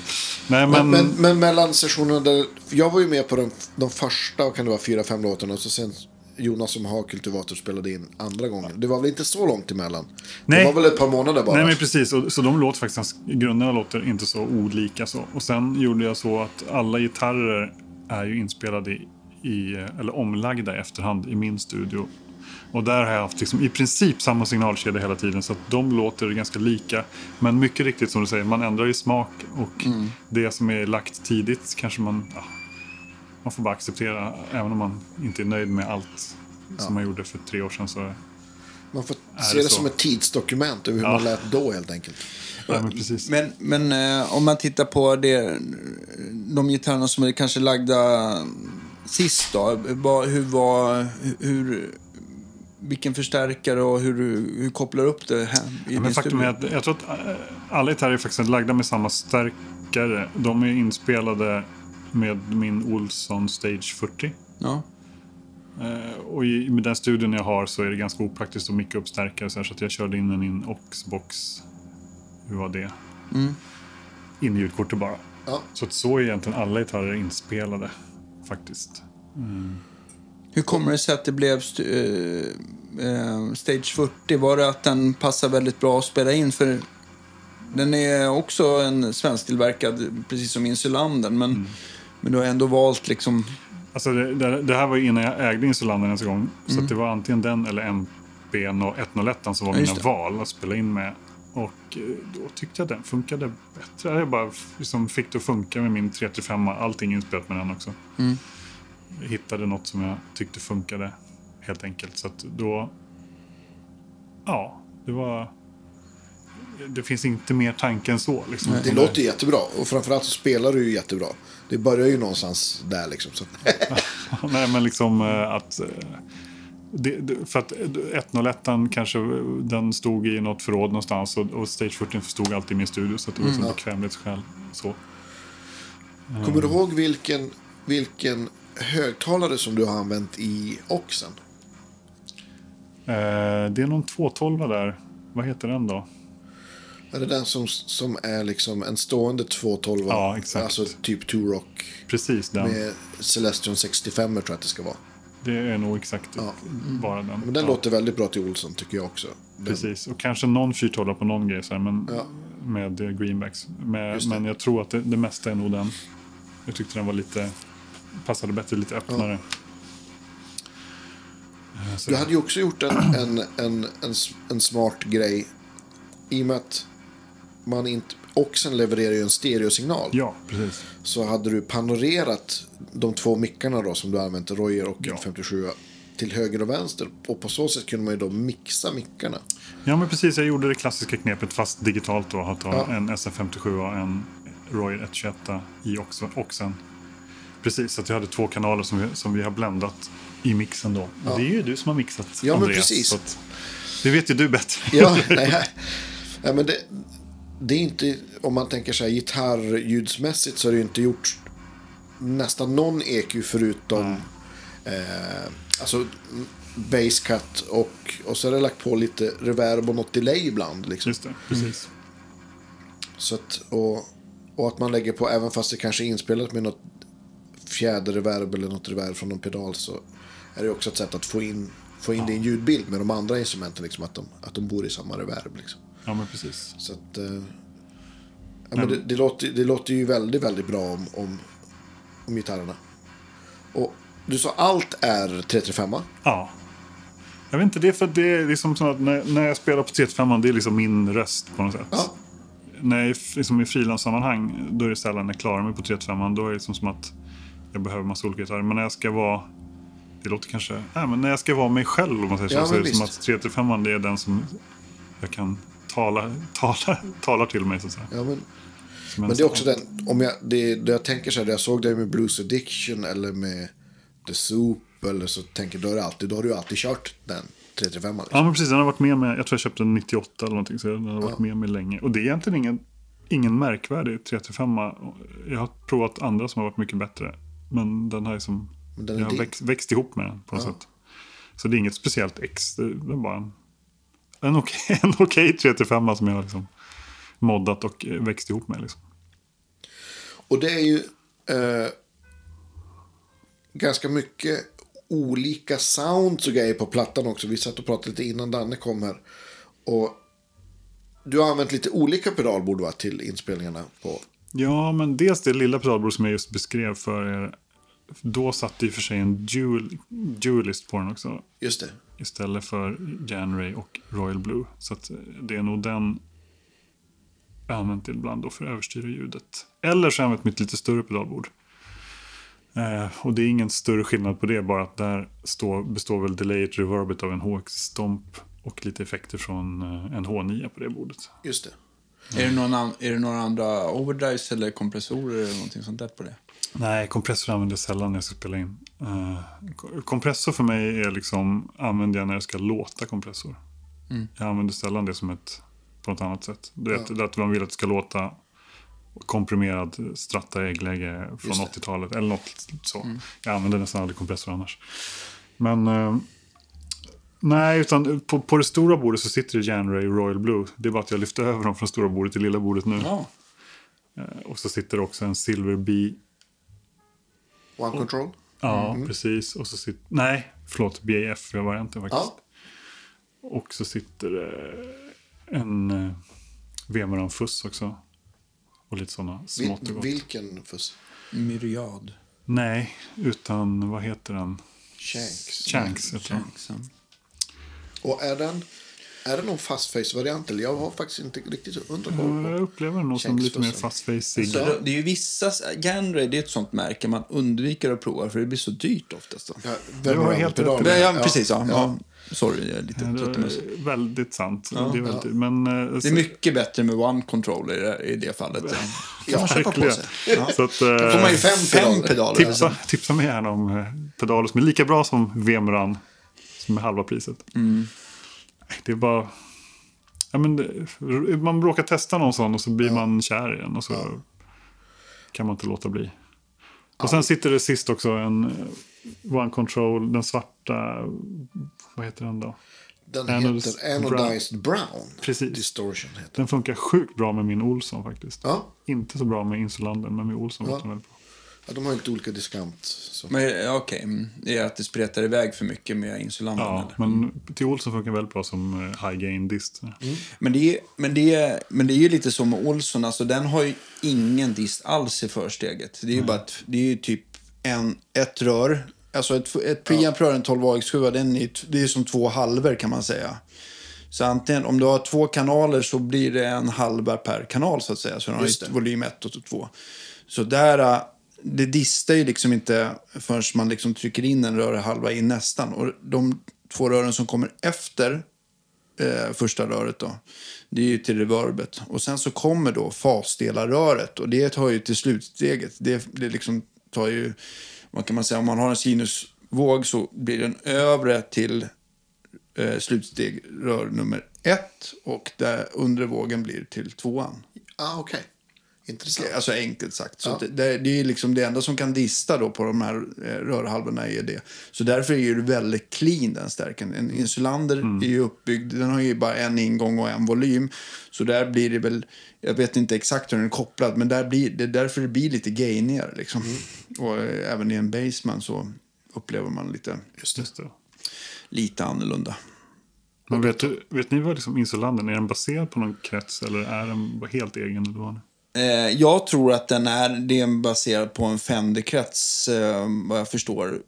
Eh, men, men alltså tweakad då. då. Alltså, Många sådana här, vad jag förstår, när man pratar med, med Olsson eller Insulander eller Björn, det är ju att liksom, alltså, det är många stärkare som ser ganska lika ut hur, kopplingsmässigt. Men sen så är det ju allt däremellan, alla värden och, och, det. och sånt som gör stora skillnader. Liksom, Hur man tweakar fram det där. Men kopplingen kan ibland vara mer lik än vad man tror. Men eh, jag tror att, jag, jag har för mig att det är en tweakad Fender-koppling. Och sen så ett bias-tremolo som låter väldigt snyggt. Ola kanske pratar lite om det. Vi gjorde ju faktiskt ett avsnitt med honom om, om det också. Ja, just det. Just det. Så gå tillbaka till det avsnittet. För nu är vi ju uppe på över 260 avsnitt och visst. snart fem år med ett Ja, avsnitt varje vecka. Vi klappar jag, oss lite här får, jag fråga hur ni liksom pallar? Alltså, jag måste Det bara gör vi inte. av Det gör vi till- inte. Men vi bara biter ihop och tar en för Ni skulle ju laget, lätt helt kunna liksom säga, nej vi tar ett i månaden istället. Men det har ni inte gjort. Alltså, vi, alltså det, grejen är att, att eh, jag kan tänka så ibland. Att jag känner bara, fasiken, nu går det åt, det går åt väldigt mycket tid. Och jag, men när man väl sitter i intervjuarstolen, då, då, då tycker man att det är värt det. Är du med jag tänker lite grann? Ja, att det är liksom så här, 100%. man, kan, man kan vara lite så här på morgonen bara, nej, vilken vacker dag. Jag skulle vilja ha kommit ut på cykeln just idag. Men vi har podcast. Och sen, men sen så när man väl sätter sig i intervjuer. Då jag måste bara säga vilken fin gärning ni gör för Gitarr-Sverige. Ja, men tack, tack snälla. Men däremot är det också så där att det kanske, eh, att det kanske blir så, så småningom att vi kanske går ner till varannan vecka eller kör en gång i månaden. För till slut så... ehm, ja, och jag, jag vet inte. Men det, vi, vi, vi, vi får se. Vi får Vi se. kör, men jag att kör vi så länge det känns bra och det kör, känns relevant. Vi kör tills vi går in i väggen Ja, helt enkelt. Ja, men, I gotta pee. Jag har druckit tre sådana här muggar kaffe. vad roligt om du inte editerar bort det. Alltså. Precis. Jag vet inte hur många gånger jag lyssnar på en podcast och ni säger det här ska vi klippa bort sen. Och så har ni inte gjort det i alla fall. Två kvar. Ja. Nej, men jag, så att vi får se. Men, eh, men, eh, men nu vill man ju gå in, eh, alltså sista helgen i oktober, så, så sista torsdagen i oktober, då blir det väl fem års jubileum tror jag. Kul alltså. Så att det, känns, det känns lite konstigt, men, men kul givetvis. Eh, och sen så, jag måste ju också, jag har ju inte varit med på alla avsnitt och Andreas har ju gjort det desto fler. Även om jag har ju varit själv ibland också, men, men eh, och, hade ju, hade ju Hur kom det sig- Var det för att, varför Heghammar inte med? Var det för att han ville starta egen podcast? Eller? Ja. Ja, alltså han har ju fler. Han har ju både sitt Ultimate Guitar. Jag tror att också att han kom in lite på... Han kanske också kom in lite grann på våran, våran plattform. Alltså, alltså vi, hade ju, vi har ju redan arbetat in ett sätt hur podden är och sådär. Och det, kommer man in så här efterhand så kanske man inte känner att man kan forma den riktigt så där. Och nu har, jag, nu har han ju kört med Uffe Edlund sin egen podd och de kör ju på lite annat på lite annat sätt. Sådär. Så jag tänker att han kanske ville styra det lite mer. Men, eh, men, eh, men jag vet inte. Sen så har han ju Sen så har han ju andra utvecklingspoddar och sånt där också. Så, att, eh, så att han kände väl att han kunde... Och, och sen så ha två stycken gitarrpoddar. Kanske man... Det blir liksom lite svårt att sitta på två stolar liksom. Men jag vet inte. Jag, jag tyckte det var skönt med den avlastningen som Fredrik gav. För att det gjorde ju att man... Dina tyngsta småbarnsförälderår. Ja, precis. Så det hjälper ju. Men, eh, men vi har ju också haft lite hjälp av Evelina. eh, Något enstaka program i Mm. Det var ett skitbra Göteborg. avsnitt alltså. Ja, jag hoppas att det blir lite fler avsnitt. Hon har sagt att hon vill, men hon har ju också ja, mycket att stå i. Så vi får se. Men, men eh, jag hoppas på flera sådana här... eh, Det, det, alltså jag tycker ju jag tycker ju sådana här intervjupoddar är alltid väldigt, väldigt kul. Men, men eh, när det blir sådana här eh, riktiga nördavsnitt när man får sitta och byta pickuper i realtid. Då blir man ju alldeles varm. Ja, det, det, Ja. finns, det, det mest legendariska tror jag när ni provade så strängar, hade strängat någon gitarr med samma... Var det, hade ni, Ja, samma, samma tjocklek och stämt dem i samma. Och, det eh, var, det ja, var, jag tror att där någonstans piken i i, det och något avsnitt med Lasse Bjurhäll när ni pratar puttar och... eh, ja, det är ju också... Lasse, det är alltså, fantastiskt. ja, La- Lasse, Lasse är ju så här härligt tycker jag. För han är, han är ju väldigt... Eh, det är väldigt... Eh, lite mojo-känsla i honom. Verkligen. Och feelgood, alltså just att man har gamla puttar och kondensatorer, att det kä- allt blir mycket bättre. Han är ju så övertygad, och, och jag som är lite grann som Björn och eh, John Olsson som bara, nej men du vet, det går inte att höra skillnad om värdet är samma. Eh, så, men ändå så blir jag lite fascinerad av, av, av Lasse, för tänk om han har rätt. Och Han kan ju inte ha fel med tanke på vilka vassa öron och hur bra han spelar. Ja, så att jag är lite sådär, jag är, ja, Jag har gjort ett aktivt val att jag inte vill veta. Nej, ja, men lite så. Jag inte så... Jag, visst, man är ju nördig, men det, jag har också satt en gräns någonstans för att man inte... Ja, men Lasse har ju också en jättefin låda med förstegsrör. Och vi har testat. Och jag testade något gammalt rör in Olsson och bara, jo.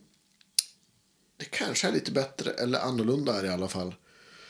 Men, men jag, jag, jag orkar inte liksom hänga upp mitt liv på en long plate mallard. Nej, men sen, sen får man också komma ihåg att när det kommer till förstärkare och förstegsrör, är det en stärkare som har ganska begränsat med hur du kan EQ den, ja, då ju, gör ju röret en större Såklart. större inverkan. Men har du en, en CS40 som du har, då är det ju liksom så här, ja men vi bara tar ner lite tone balance och upp med presence där, så låter det likadant liksom. Så att det, ja, det, det beror på vilken stärkare man har i. Och är de här eh, förstegsrören, de kan ju ställa lite som lite grundekun eh, i soundet. Men framförallt när det kommer till gamla Marshalls och sånt där, där när det gäller slutstegsrör, då kan det ju vara liksom, kan det ju vara helt, alltså, när de styr över och ska börja hoppa lite grann, då kan det bli två helt olika Visst. stärkare. Eh, men eh, åter till... Ja. Men jag vet, behöver jag klippa bort någonting eller? Nej, vi hade så trevligt. Ja, vad Det bra. är så trevligt. Ja. Du om du vill ha med din klapp eller inte. Ja. Jag, gör så här. jag klappar ändå. Sådär. Ja. Bara, bara för att markera. Skönt för era vaxproppar där ute. Ja. Nej, men vi måste tillbaka till din, din, Ja. eh, din platta. Har du bestämt något namn på plattan? Den heter Listen to me. Bra namn. Och eh, jag tänkte också, vi, vi pratade om det innan, att vi skulle bjuda på ett litet smakprov och prata lite grann om, Ja, om, eh, om någon låt. Och vilken låt blir det då? Eh, Den är ju faktiskt redan släppt, så den finns ju redan på Spotify. Men Mm. eh, vi kan ju prata, det var ju den som heter Groove Vertigo som jag släppte i somras. Just det, precis. Och eh, det är ju en, eh, en mycket härlig funkdänga med massa coola gitarriff och även en gäst. Ja, jag slängde, ja, en av mina stora funkförebilder är ju, som är, i nutid är ju Mark Litteri. Eh, som spelar även i Snarky Puppy, som jag tycker ja, en av de svängigaste gitarristerna. Jag, tänkte, så jag slängde iväg en fråga om han ville spela in ett solo på låten. Ja. Och det gjorde han det. Det var ju fantastiskt. Och, och komp spelar han ju också. Ja, en kompgitarr har han lagt också, precis. Eh, så det var ju skitkul. Det var bara, jag trodde kanske inte att han skulle tacka ja, men det gjorde han. Jo, men om, när han hörde hur funky du var så tänkte han, det här kan jag inte missa. Nej, men precis. Så att han har lagt lite grejer på den låten och det är fantastiskt roligt. Eh, Men, men jag tänker så här, om det, eh, om det, om det låter bra och det är väl framfört, det tror jag är A och O. Men jag tror att inte man vill lägga sin gitarr annars, så det är ett bra kvitto och så. Men jag tänker att, att många gitarrister, om de får liksom ersättning och det låter bra, så är det nog bara bra att man har med sitt namn på, alltså på saker. Sådär. Att det måste ge ändå ringar på vattnet och att fler upptäcker den. Eller är jag ute och... jag, absolut. Det ligger nog något i det, definitivt. Och sen så om man heter Keith Richards, ja, då kanske det liksom piken är nådd för... Alltså, alltså att han men är visst. tillräckligt känd så att det inte gör varken till eller från. Men, men jag tänker att man som... Nej, men han är ju ute och turnerar nu med sin egen grej som inte är Snarky Puppy. Liksom. det bygger väl upp en publik liksom, världen över. Så att, absolut, det är väl en behov av. Såg att han skulle spela i London här. Ja, Ja. jag frågade om han skulle komma till Sverige. Och han, då, det här var, det var några veckor sedan, då sa han eventuellt november. Men jag har inte hört med så det kanske inte blir. Inte. Ja, det hade ju varit kul. Precis. Jag försöker i så fall boka in honom på en klinik också. Men Ja. vi får se om han kommer hit. Kul. Men ska vi göra så här? Vi, vi, vi lyssnar på, på kanske början på den här låten och så pratar vi lite. Och så sen kan vi spela era Ja. fantastiska stolen också. Så kan vi prata vidare tänker jag. Det låter roligt. Ja, men jag kan bara kort nämna att plattan innehåller lite allt möjligt. Men lite funk och lite jazz och lite fusion och lite blues. Det är en allt du gillar, helt alla enkelt. Och lite influenser. gospelig ballad ska jag vilja säga också. Ja, som är superfin. det. Men det här är väl den uh, funkigaste låten.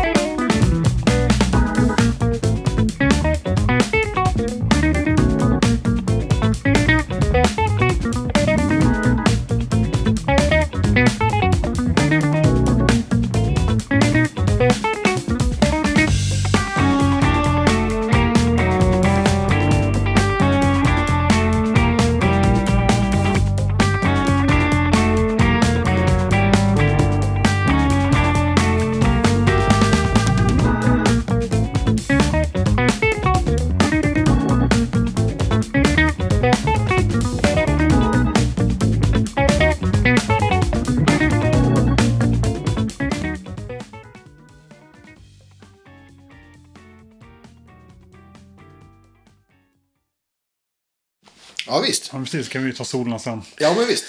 Su- Supersvängigt och, och den vassa, vassna, va, den, den vassa lyssnaren, höll jag på att. Ja, Ja, lyssnaren Precis med så. vassa öron har ju att det är ett, ett, en härlig facer på också. Ja, precis.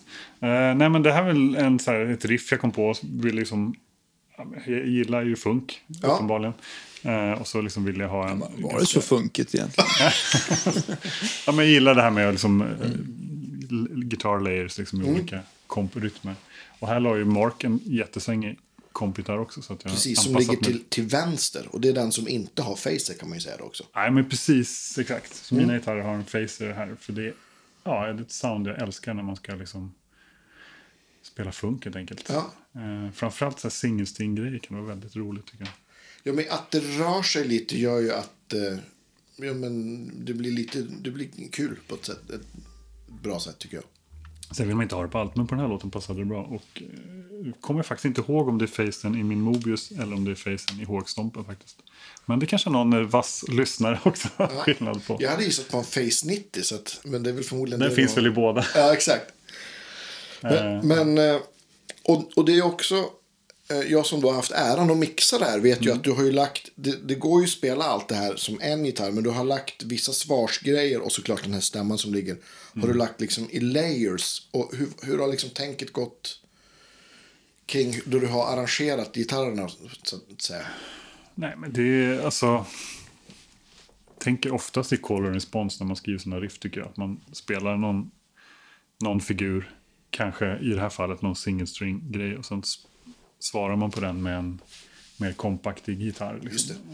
Och då tycker jag, av ins- dels inspelningstekniska skäl så lägger jag dem separerade för att kunna leka med dem ljudmässigt eller panoreringsmässigt. Nu vet jag inte om de är just panorerade olika just här, men det är mer nästan en inspelningsteknisk grej att jag spelar in dem olika. Ja, de pannas ju lite sen då det kommer solon och, och du Precis. kompar eller Mark kompar. så- Men i och med att Mark la en kompit här också nu så Ja. han pannade lite Precis. helt enkelt. Och vad var det första, det absolut första, vad var liksom embryot till den här låten? Var det, är det det första det är nog introriffet där, Ja. som är liksom ja. embryot. Jag hittade något intervall som jag liksom lek, lekte med och försökte skriva Tuka, kring. tuka, tuka. Ja, men Ja, precis. Eh, och sen kom resterande tema efter det. Mm. B-delen krystade jag fram senare. Och B-delen det är då det kommer, kommer en, eh, en lite spaghetti western gitarrmelodi med, något, Ja, med ett delay på kan man Precis. säga. exakt. precis. Jag kan väl nämna det att det är fantastiska musiker som spelar på den också. Eh, Stefan Bergman på trummor och Mm. Krydda Sundström på bas. Eh, Och Ted Hector spelar eh, Hammondorgel här. Och vem spelar slagverk? Andreas Ekstedt. Ja. Så att det är ju fantastiskt kul att få spela med så Mm. bra musiker också. Ja, men det, var, det är så här, då man, då man får såna här filer och mixa, då är det ju liksom, då blir man ju väldigt glad. Det, det är Hur, hur många gitarrer har du lagt om i smyg då, Andreas? eh, inte en enda. Ja, det, är, det är mest jag som har lagt om gitarrer. Oj, oj, oj. När man sitter med sina egna grejer och ska lägga gitarrer. Alltså, det, man, Ja, men- ja, det är svårt. själv. Ja, det är verkligen. Här skulle jag behöva någon typ av terapihjälp. Alltså. Ja, men det, det där är ju intressant. Det, det nästan enda remedyn som finns, det är tidspress. Har jag kommit fram till. Att saker måste vara klart. Verkligen. Men Ja. jag ska också säga att shit vad man lär sig mycket på det också när man sitter och tar om. För man, Mm. eh, Så att man, eh, ja. Det, är tids, det, är, det kan vara ångest, men man, eh, man lär sig väldigt mycket om sitt eget spel och förbättrar det. Ja. För jag, jag tänkte på en annan sak. Just när man sitter med skärmen framför sig. Kan man, kan man vara så där att bara, när man har spelat klart någonting, att fasiken, det här, det här kändes väldigt bra. Det här satt väl. Och sen så liksom dubbelkollar man lite grann hur tajmingen är på skärmen. Och så bara, nej, nej, jag, nej, här var jag lite på eller efter. Och sen bara, jag måste ta om. Alltså att man liksom... Nej, det får man inte göra. Det måste gå Nej, men jag på- Ja. Kan ni förstå att det kanske blir så? Att man definitivt. analyserar Ja, så här, lite Men på fel att sätt det- ibland? Ja, Att fast det jag ska, ser bra ut, ja. Ja, fast jag ska säga, jag kollar aldrig på kurv, ljudkurvan eller så. Men däremot, däremot den känslan du beskriver, att man kände ah, men shit, det här var en bra tagning. Och så lyssnar man på den, att det inte var det. Men jag skulle aldrig kolla på skärmen, alltså att det skulle avgöra. För, det- för det är ändå liksom, det är sällan att det ser, eller ser ut som att det låter, om du vad jag menar. Ja, men visst. Har, har du märkt så här, för egen del annars här, generellt hur din timing ligger? Är du på, i, på bitet eller är du lite behind? Det beror faktiskt på efter typ av groove skulle jag säga. Men när man spelar in, och så de första tagningarna, då är man oftast lite stressad tycker jag. Och så hittar man in i det och sen lockar man in efter ett tag. Så jag tror snarare att jag som många andra när de spelar funk, att man är lite på i början kanske. Och sen, Det, det, där har jag en spaning på det här med, med ja, men inte bara timing men även vad det gäller liksom, ja, med improvisation och uttryck. Så har jag, jag har lärt mig från att, att spela in mig själv att den här liksom så här total feeling som kan liksom funka jättebra i ett rum på ett gig. Det där liksom bara så här superbrinn och det bara så här folk skriker och applåderar. Det funkar aldrig på tejp. Det, tyck, I alla fall inte då jag spelar gitarr. Så då jag tycker att shit vilken feeling jag hade på det här solet nu. Då jag lyssnar, då är det oftast att jag kanske är lite för på i time. Och kanske f- att man spelar alldeles för mycket. Och att det är liksom... Med. att hjärnan går för fort så att man, man, man liksom kanske byter idé lite för ofta. Så jag kommer fram till att, att och så tycker jag att, att jag funkar live i alla fall också. Att om man känner sig, om man backar det ett par ste, steg. Så låter det mer som, som det, som Ja, det känns. Eller så blir det tvärtom, med. att man blir Ja. liksom positivt överraskad. Bara, yeah, Märker du någonting också att jag tänker att man får för mycket adrenalinpåslag eller att man tar i för mycket så att det blir Definitivt. lite, att det blir lite så här, alltså onödigt kanske Verkligen. mycket svängningar eller surt eller... Dels det plus att tonen blir... Alltså, liksom, detaljer i tonbildning går ju fram mycket tydligare på platta såklart än vad det gör live. Eh, och när man då får den där adrenalinpushen live så, så kanske man spelar lite för hårt och tonbildningen blir lite sämre. Och kanske Fast inte, å andra sidan så skramlar det hela rummet. Så att ja, då- men precis. då Men, men, men det är inget Ja. som publiken tänker på. Men det, men det märks tydligt på platta, tycker jag. Liksom, precis. Så, att, så att där, det är en typisk sån grej.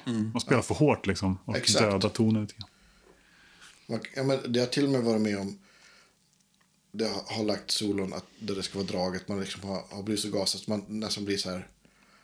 Jag känner att man får så här liksom mjölksyra i händerna. liksom så här. bara knyter sig liksom. Men jag, alltså, ett avsnitt där det liksom kom upp till ytan där med plektrum, det var ju när vi körde Van Halen special. Just det. Ja, han körde liksom tunna medium plektrum. Och jag har provat en hel del nu med lite tunnare. Alltså, förut har jag alltid varit liksom så jäkla hårda plektrum, men jag har gått ner lite grann i size. Så jag tycker att det liksom, då går det inte att... Dels att inte plektrumet orkar liksom, eh, Just det. ta tag i strängen så hårt att det viker lite enklare. Men, men just att det blir lite bättre sound. Alltså. Med tunnare plektrum? Ja, jag tycker det. Alltså det blir mindre oigt och mera, ehm, mera artik- art, eh, separation och artikula- artikulering på något sätt. Vad kör du för plektrum, Magnus? Eh, Jazz 3. Men det är också så här, det är ganska oreflekterat om jag ska vara helt ärlig. För det har jag gjort sedan 97 liksom. Ja. Ja, men Eller det har vuxit äldre- ihop med... med Ja, är så att, eh, och då är det sånt otroligt motstånd att byta tycker jag. Eh, plektrum. mm. Men den här har ju väldigt mycket artikulering eftersom den, har en, den är spetsig. Om det är en trea. va? Ja, precis. Men, men eh, liksom, så nördar man in. Jag såg något klipp häromdagen bara på YouTube. Någon som hade desikerat Pat Methenis spel. Han spelar ju som en jättetunt plektrum. Som han viker också. Ja, liksom, Ja, men jag tänker om man viker det så blir det lite vridstyvare. Ja, exakt. och han har fantastisk ton. Liksom. Eh, Så att det är bara... Man har anpassat sitt spel efter sitt plektrum i alla Ja. år. Så. Men jag kanske skulle hitta något fantastiskt som jag tänkte om. Jag ingen, det vet man inte. Ja, men som en Gunnar har sett, eh, eh, som vi inte haft som gäst ännu, men han vrider ju liksom ett rel, inte alltför hårt plektrum och så spelar han med... Eh, Tjocka sidan. ja, men alltså den, eh, inte den spetsiga sidan, liksom, den rundaste. Mike Landau gör exakt samma Ja. sak. Och det blir väldigt bra. Det kanske är för att kompensera det, alltså T eller lönnhals. Deluxe. För att det blir så jäkla, mm, alltså att det värmer till lite attacken sådär. Men på, Precis. ja, Vad heter det? Då du skickade den här låten till Mark, hade du några instruktioner eller var det så här, do your thing? Exakt det du sa faktiskt. spela fortare. Nej, men jag, jag sa så här, det vore, jag vill ha ett git- gitarrsolo eh, här på det här stället i låten. Eh, och, och gör det du får feeling för. Sen så skrev jag, och så vore det kul om du lägger någon kompgitarr. Och då får du också göra precis vad du vill. Han spelar ju mycket barytongitarr också, så, jag, så får du feeling för det så får du gärna göra det, men det gjorde han inte. Men, Nej. Så att han fick faktiskt han fick helt fria händer, vilket jag tycker är ganska roligt när man har en gäst. Så att liksom, Ja. nej, jag hade inga instruktioner alls. Nej, men då blir det, och du vill ju ha med honom, du vill ju inte bara ha någon som spelar gitarr, du vill ju Nej, ha nej, nej, hans nej, sound. jag vill ha- Det är därför han har med dig, såklart. Exakt. Blev du förvånad eller blev det någonstans som du hade förväntat eller tänkt dig? Nej, det blev ungefär som jag tänkt mig eh, faktiskt. Eh, skulle jag nog säga. Så att det var liksom, och, och skit, skitkul liksom. Det svåra är väl då att han har ju första solot på låten. Så ska man försöka följa upp det. Det är väl inte helt lätt. Ja, Men det tog du på andra tagningen. precis. Det, ska vi lyssna på det? Vi kan lyssna på hans solo först då. Thank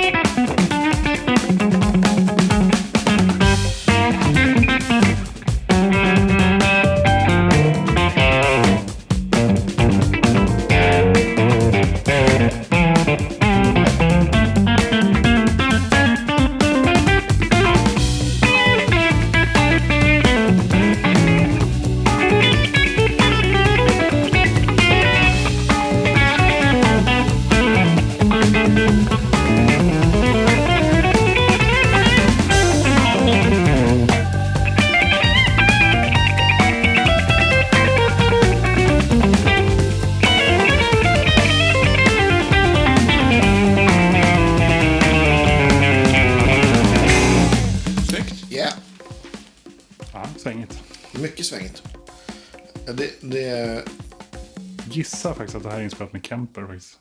och det, det avslöjade han ju faktiskt då, han, då vi poddade att han spelade in allting med Kemper så. Ja.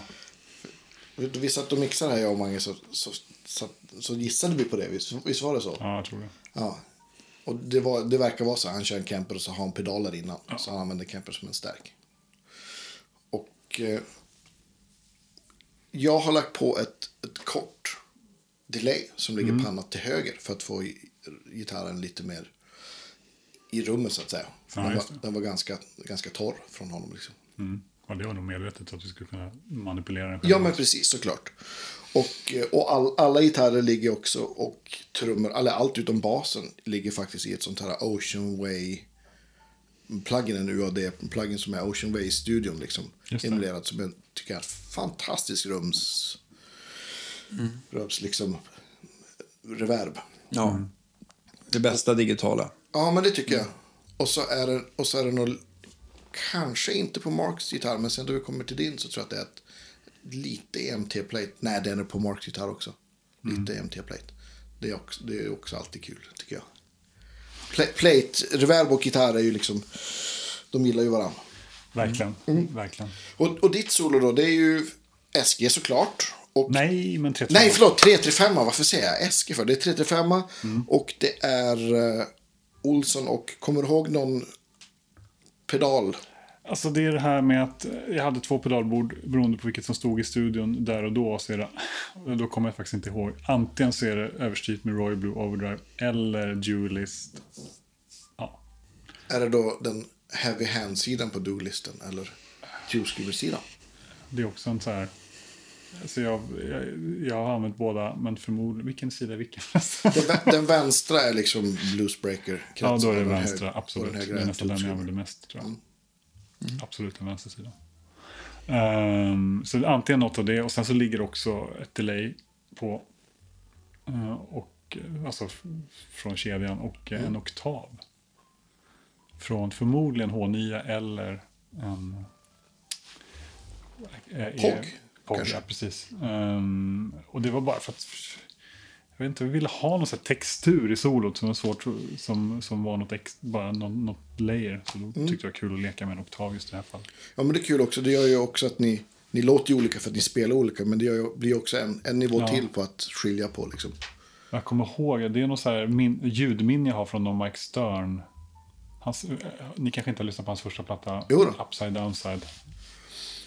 Då har han en oktav där på något solo som var så här. Det är bara, det är förmodligen är det nog bara en bosspedal. Men det är något ljudminne jag hade därifrån som fick mig liksom att välja. Men vi kan lyssna på. Ja.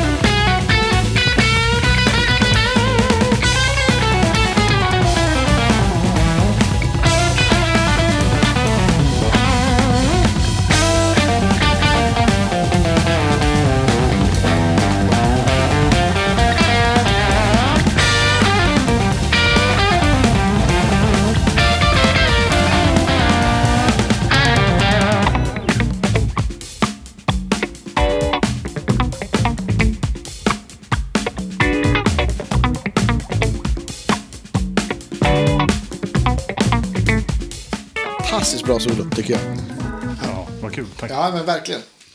Jag, jag, eh, jag är lite nyfiken på om du jag, jag är ju väldigt svag för ja, men, tematik. Som du, att du, liksom, du bygger vidare på en idé och, Ja, och, och tar det vidare. Är det någonting som du har medvetet tänkt på eller, eller, eller är, det, är det bara för att du är så himla bra? Eh, nej, men oh ja. Eh, det tänker jag verkligen mycket på. Eller det är liksom... Så tänker jag alltid när jag improviserar. Alltså, Ja. Det är hela... Eller för mig, improvisation handlar om att jag ska försöka förmedla någonting och berätta någon typ av historia. För- Försöka liksom, Mm. visst. och då, det är det, en, det, är det, en, jag ska säga, det är det enda jag bryr mig om. Mm. Att jag har något tema som jag försöker utveckla. Eller att en idé liksom tar vidare någonstans. Mm. Oavsett vilken genre man improviserar i. Men liksom, det är kärnan, tycker jag. Liksom, jag instämmer, 100 procent. liksom, och då, så att allas improvisationer eller solon bygger på det tankesättet. Liksom. Mm. Och det har man ju fått med sig mycket från bluesen och call response-tänket. Liksom, Visst. eh, tycker jag. Och det kan ju man översätta även om det här är lite mer fusion-aktigt. Liksom. Mm. Vi, vi rör oss ju mellan två tonala centrum här. Yes. Och det, det blir också, då blir det också en, en, en nivå till att ta hänsyn till att man liksom faktiskt byter tonart efter var fjärde eller åttonde Ja, takt. Och det kan säga, det är inte den enda låten på den här plattan som gör det tricket. ja, men det är ett bra trick. Nej, men jag tycker det är kul. Ja. För att man liksom, det är som att eh, harmoniken då ger en, en en push till att utveckla idéerna i sig. Precis. Istället för att bara ha en, en vamp med ett ackord. Som jag också är kul. Liksom. Men, men det, Precis, ja, det blir en annan utmaning. Liksom. ja, men precis. Det var bara ett, ett litet trick för att lyfta solot. Liksom. Eller få hän- att det händer någonting. Och- jag tycker också att det är väldigt, väldigt bra de, de grejer som du gör som går utanför harmoniken som är lite så här kromatiska så Ja. är, är väldigt eh, snygga och, och smakfulla. Ja, ja, tack. Kul. För det, det, man, man skulle ju lätt kunna gå, eller jag vet att du kan, gå liksom bananas och spela hur out som helst. Men, men det är också en, en sån här kanske, ja, Nej, men man kan, absolut, man kan spela out, hur out som, helst, out som helst, bara man gör det i en kontext. Så att man, eh, så funkar det både när jag, saker som jag gillar att lyssna på eller när jag spelar själv. Att Bara man löser upp det till Precis. någonting som, vad ska man säga, makes sense. Ja. Så absolut. Men Ja, ja, men det, det, och om man lyssnar både på Marks solo och på ditt solo så finns det ju liksom... Jag tänker varje gång jag hör det, tänkte jag, ja, det där licket ska jag sno. det var en bra överlagring. Precis. Eh, nej, men eh, ja, det, jag gillar ju det. Liksom. det är, mitt spel, är, även om det är väldigt rotat i Penta liksom, fortfarande, för att jag har så mycket, kommer från den blues-grejen, liksom, så finns det ändå alltid element av andra saker, kromatik eller ja, men visst. eh, andra harmoniska element. Liksom. Brukar du tänka att du överlagrar ackordsföljder rent om man tänker så här, som, vi, som det har varit nu på den här, att det är liksom det är ett ackord eller? Ja, just det. Ja, det kan man göra. Men jag tror mer oftast tänker i kromatiska linjer eller om jag eh, kanske tänker överlagade treklanger eller. Mm. liknande koncept i, i så fall. Eh, kanske. Det beror lite på. Jag, Ja. Man jobbar med olika saker. Men Ja, men visst. verkligen. Nu vart det nördigt på ett annat plan. Ja, men det, jag tycker det är kul. Från pedalkretsar till... Ja, men visst. Ja, men precis, för det blir ju liksom, det blir ju ett annat typ av sound om man överlagrar treklanger och pentaskalor än om du överlagrar en, en 2 för metal eller någonting så kanske Absolut. det blir mer, så skulle bli mer, mer Ja, bebop-feeling precis. på linjerna än kanske mer, jag vet inte, lite modernare eller mer fusion eller vad man ska Verkligen. säga. Ja, men den här låten eh, är ju lite, har ju lite fusion-influenser. Och då var det Ja. liksom det, det spelet som... Alltså, låten lockar till det här spelet i min, i min värld i alla fall. Mm. Som, som det blev på den här. Ja, men visst. Och, och soundet tycker jag också hjälper till med det. Att det blir så här, ja, men, någon, oktaven där gör att det blir någon här, lite synt. Ja, men som sagt, jag Fan, har... Feeling liksom. Nej, på 90-talet återigen då. Mm. upptäckte Mike Stern liksom var hans första soloplattor där. Den här liksom rock-jazz-prylen Visst. som han ändå lever kvar liksom som Ja. influens. Så han har också många sådana här solon som växlar mellan två eller tre olika tonaliteter. Liksom. Mm, precis. Ja, det är något, någon influens som lever kvar där. Ja. ja men det är, jag tror att för gitarrister i vår, vår generation så om man har pluggat lite och hållit på med improvisation så går det inte att komma undan Mike Stern. Liksom. Det gick ju också en, en konsert från Umeå Jazzfestival med Mike Stern trio Ja. som gick ganska många gånger i repris. Och jag hade den på video. Så. Ja, jag såg den på Fasching ett par gånger. Så någon, det var ju... glömmer man inte bort alltså. När man Nej. var så här 18-19 år. Ja, visst. Och på, på ditt solo här så är det, ja, men det är ju lite av det här rumsreverbet som allting bor i.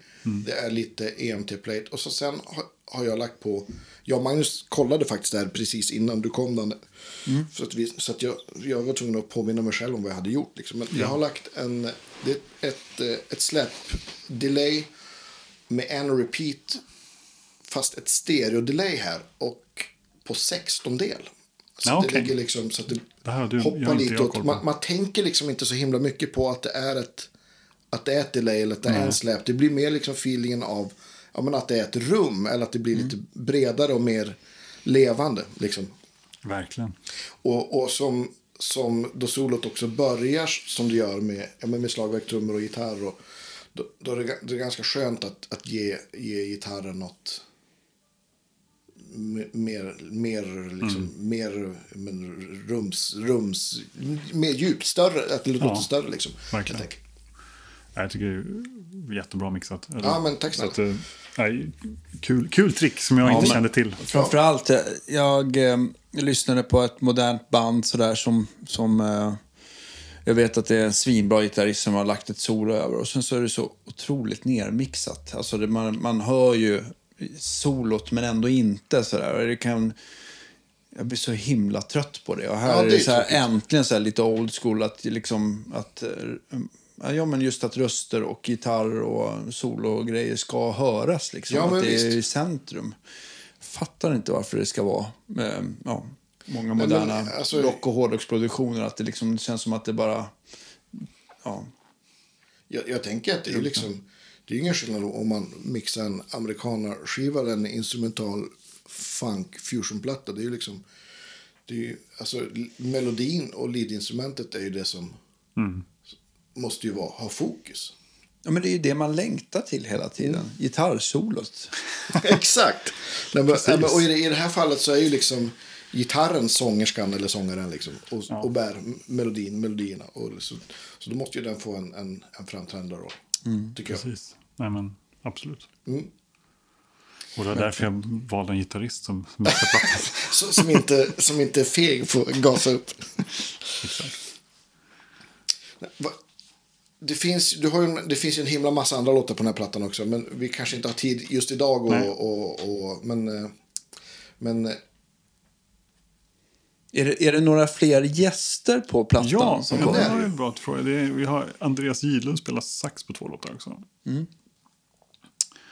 Eh, ja, det är bara det helt enkelt. Eh, och det är också otroligt skönt att ha en till de ska då leadinstrument på något sätt som kommer in och färgar.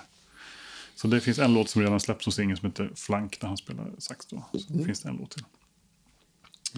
Och den, är Precis. lite, den låten kan ni lyssna på, men den är ju lite jazzigare kan man säga. Ja, absolut. absolut. Det är ganska eh, olika style på låtarna faktiskt på något sätt. eh, Skulle jag säga. Fast väldigt homogent sound ändå, för att du har skrivit all musik och spelat allt. Så jag Precis. tänker inte alls på det. Eh, Ja, nej, Ja, det. nej, men hoppas, ni, hoppas folk vill lyssna helt enkelt. ja, men absolut. Vad, vi kanske ska börja, jag vet inte vad klockan börjar vara, om det är så att folk måste börja röra på sig. Nej, ja, det är, de bara hörde av sig från fritids att eh, Ludvig behöver hämtas. Så att jag, är lite, jag blev Jag lite mer förstår. stressad än vad jag trodde att jag skulle bli. Men annars är det... Men vi har ju också, jag tänker på, vad heter den låten som i, eh, i min mixmapp heter Neo Soul-låten? Eh, nu, den har bytt namn ett par gånger. Nu heter Ja. den Three Sisters. Heter den. Ja, just det. Ja.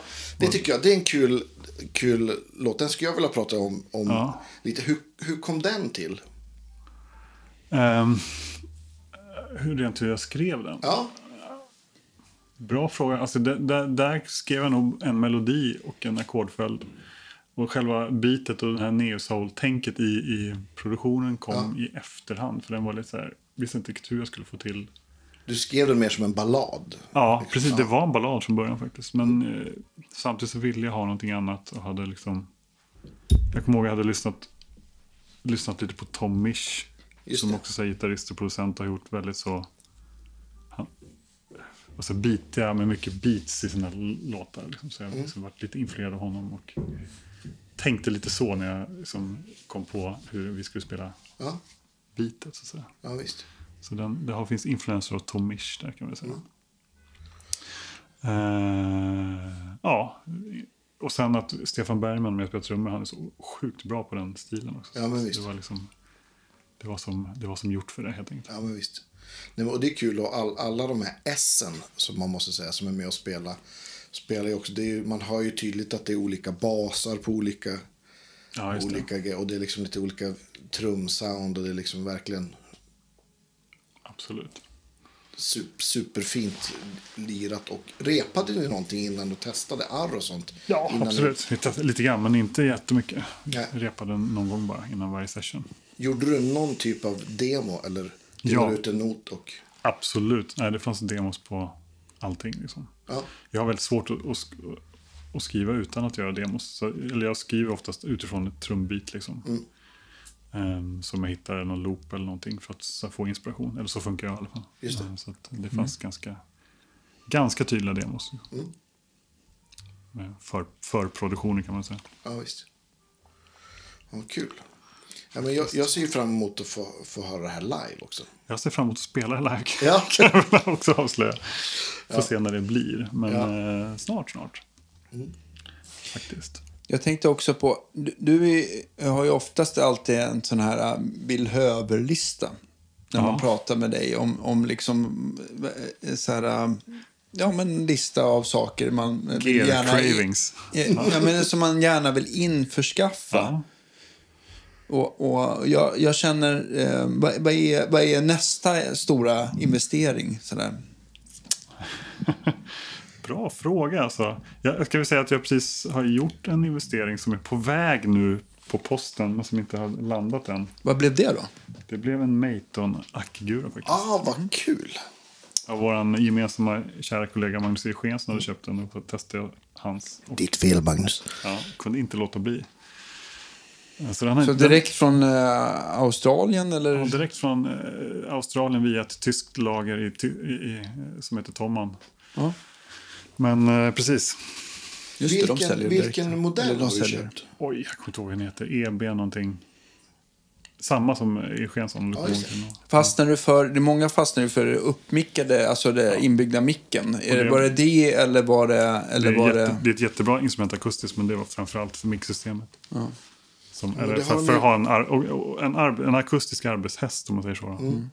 Som är bra. Är, är det någon akustisk gitarr på Broadway Duvemåla-gigget också? Det brukar vara, inte just den här turnén, men i, anna, i, i annat, vanliga fall brukar det vara det. Ja, och då måste vi då gå igenom vad brukar du då köra in din Acke-gitarr i för någonting?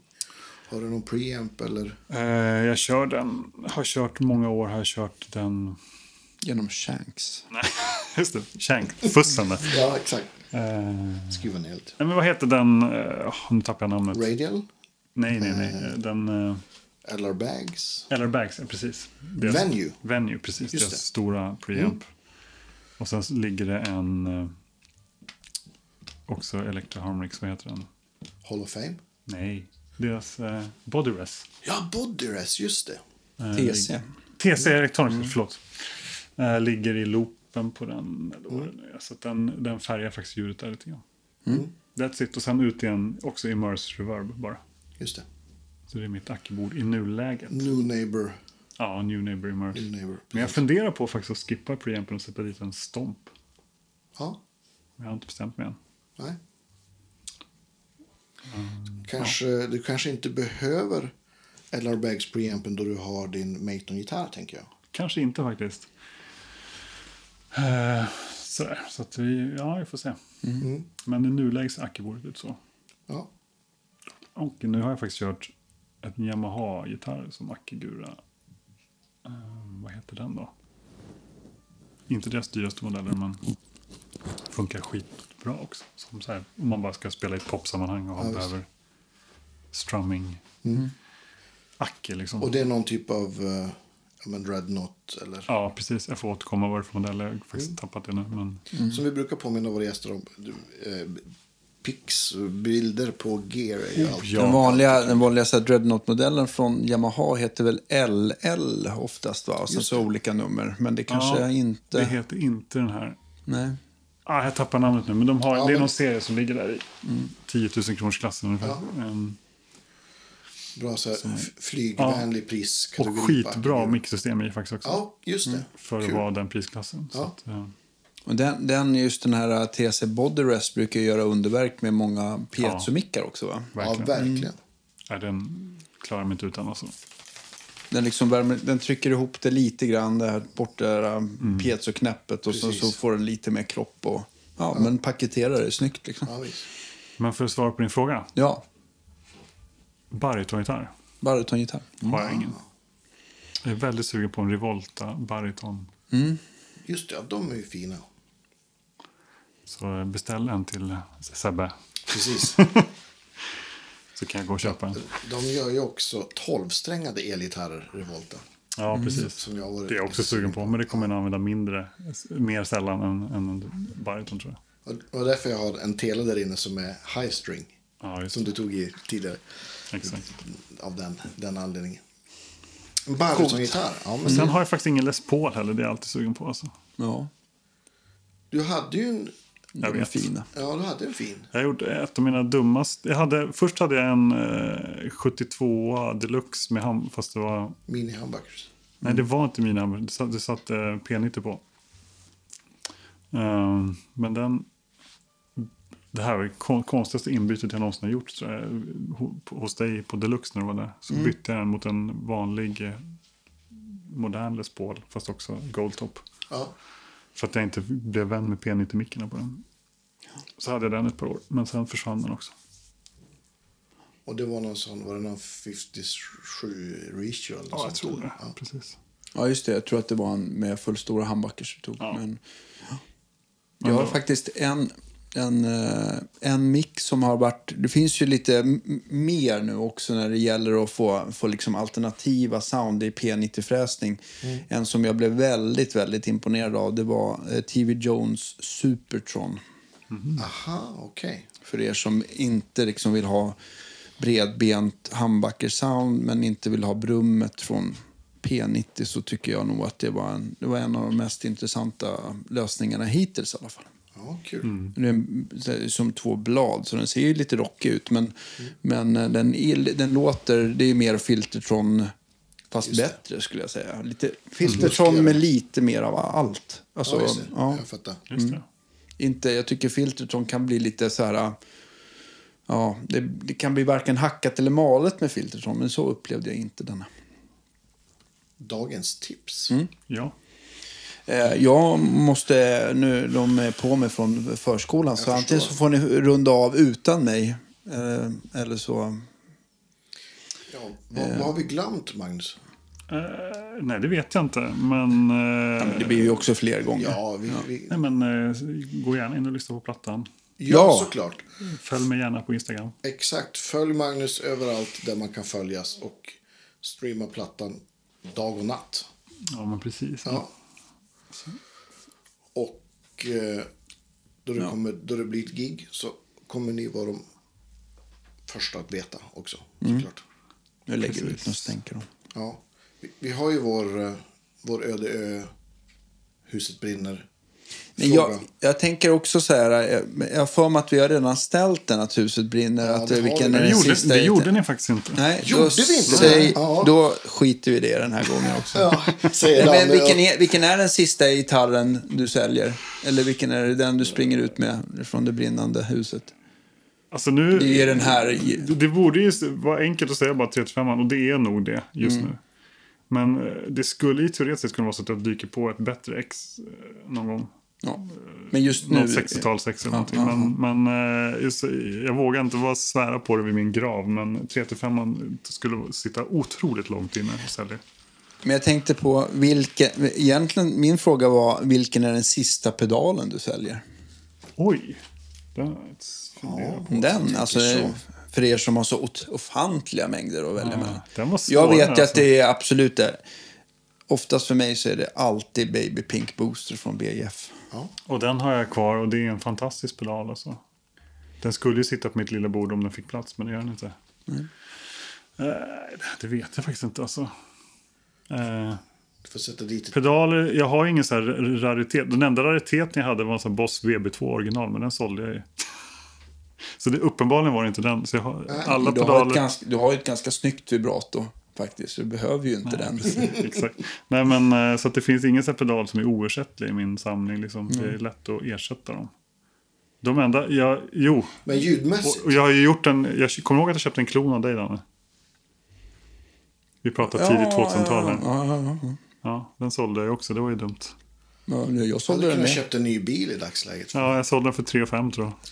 Men klonen är, alltså en gammal klon är ju, jag tycker att ibland, jag blir inte riktigt klok på den, för ibland så tyckte jag att det var, alltså just när, man, när allting står rätt i rätt stärkare, då blir det något så här magiskt att det liksom ljudet poppar eller hoppar ur förstärkaren. Och sen så ställer man det där lite fel, låter det illa. Nej, jag, Jag, kom eh, aldrig, jag kom aldrig överens med. Nej, men jag, jag, jag har ju märkt också att jag har svårt av pedaler som skär för mycket botten. Att det blir för, eftersom jag använder oftast pedalerna mot ett rent sound. Jag tror att klonen ändå är tänkt för att det ska också vara någonting som redan distar lite grann. Men, men eh, klonen i stort är ju en blandning av en clean boost och en MXR det står som plus som man, man balanserar emellan med drive-ratten. Och jag... Eh, ja, balanserar man det rätt, då blir det bra. Men eh, den låter ju liksom inte så jävla kul som, som high gain. Nej. Nej. Nej, Så att de enda så här pedalrariteterna har jag ju redan sålt. Det var Ja. det som var min poäng. Ja, jag med. Men om man, tänker, om man bortser från rariteter och pengar så om man tänker sig soundmässigt. Som jag använder mest. Ja. Jag vet inte, just nu liksom tror jag att eh, antingen är det Janray eller Roy Blue Overdrive som liksom alltid kommer tillbaka just nu. Men det där vågar jag inte svära på. Det, det kan ändra sig inom ett halvår. Ja. Ja, men vi får se till nästa intervju vad som har ändrats helt enkelt. Till nästa Ja. platta. Ja. Precis, för ing, nej, exakt så är det. De, har liksom häng, de hänger med just nu i alla fall. Ja.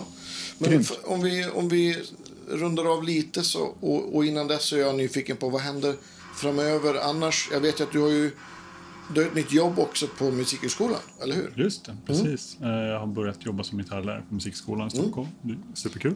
Spännande. Det måste ju vara jättekul att komma tillbaks där du själv har varit elev.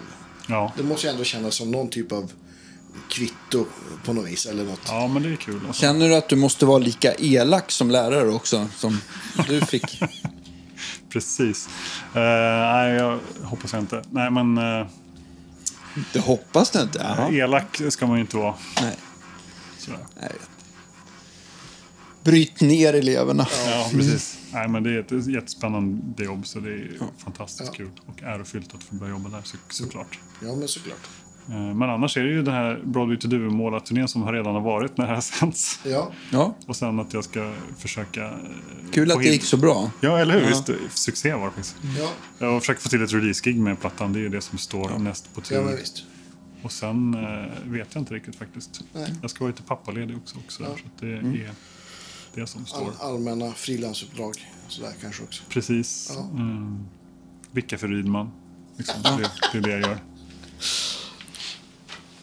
Ja, det blir mycket bra. Eh, Men stort tack för att ni, eh, ni eh, swishar och eh, pa- kaffe. Patreon och ja, Ja, allt sånt. Och eh, Fortsätt tröjor gärna. har vi fortfarande kvar några stycken. Så att det är bara... Ja. De Nu är det- nu är det när kallt ute, så att- Nu börjar, när det börjar bli kallt är de ja. guld värda faktiskt. Exakt. Som sagt, 10 december då. Det är det jag ska hålla koll på. Ja, Ja. och eh, vi hörs igen mycket snart. Hörni. ja, det är bara en vecka dit. Precis. Ha det så bra. Hej då! Hej då.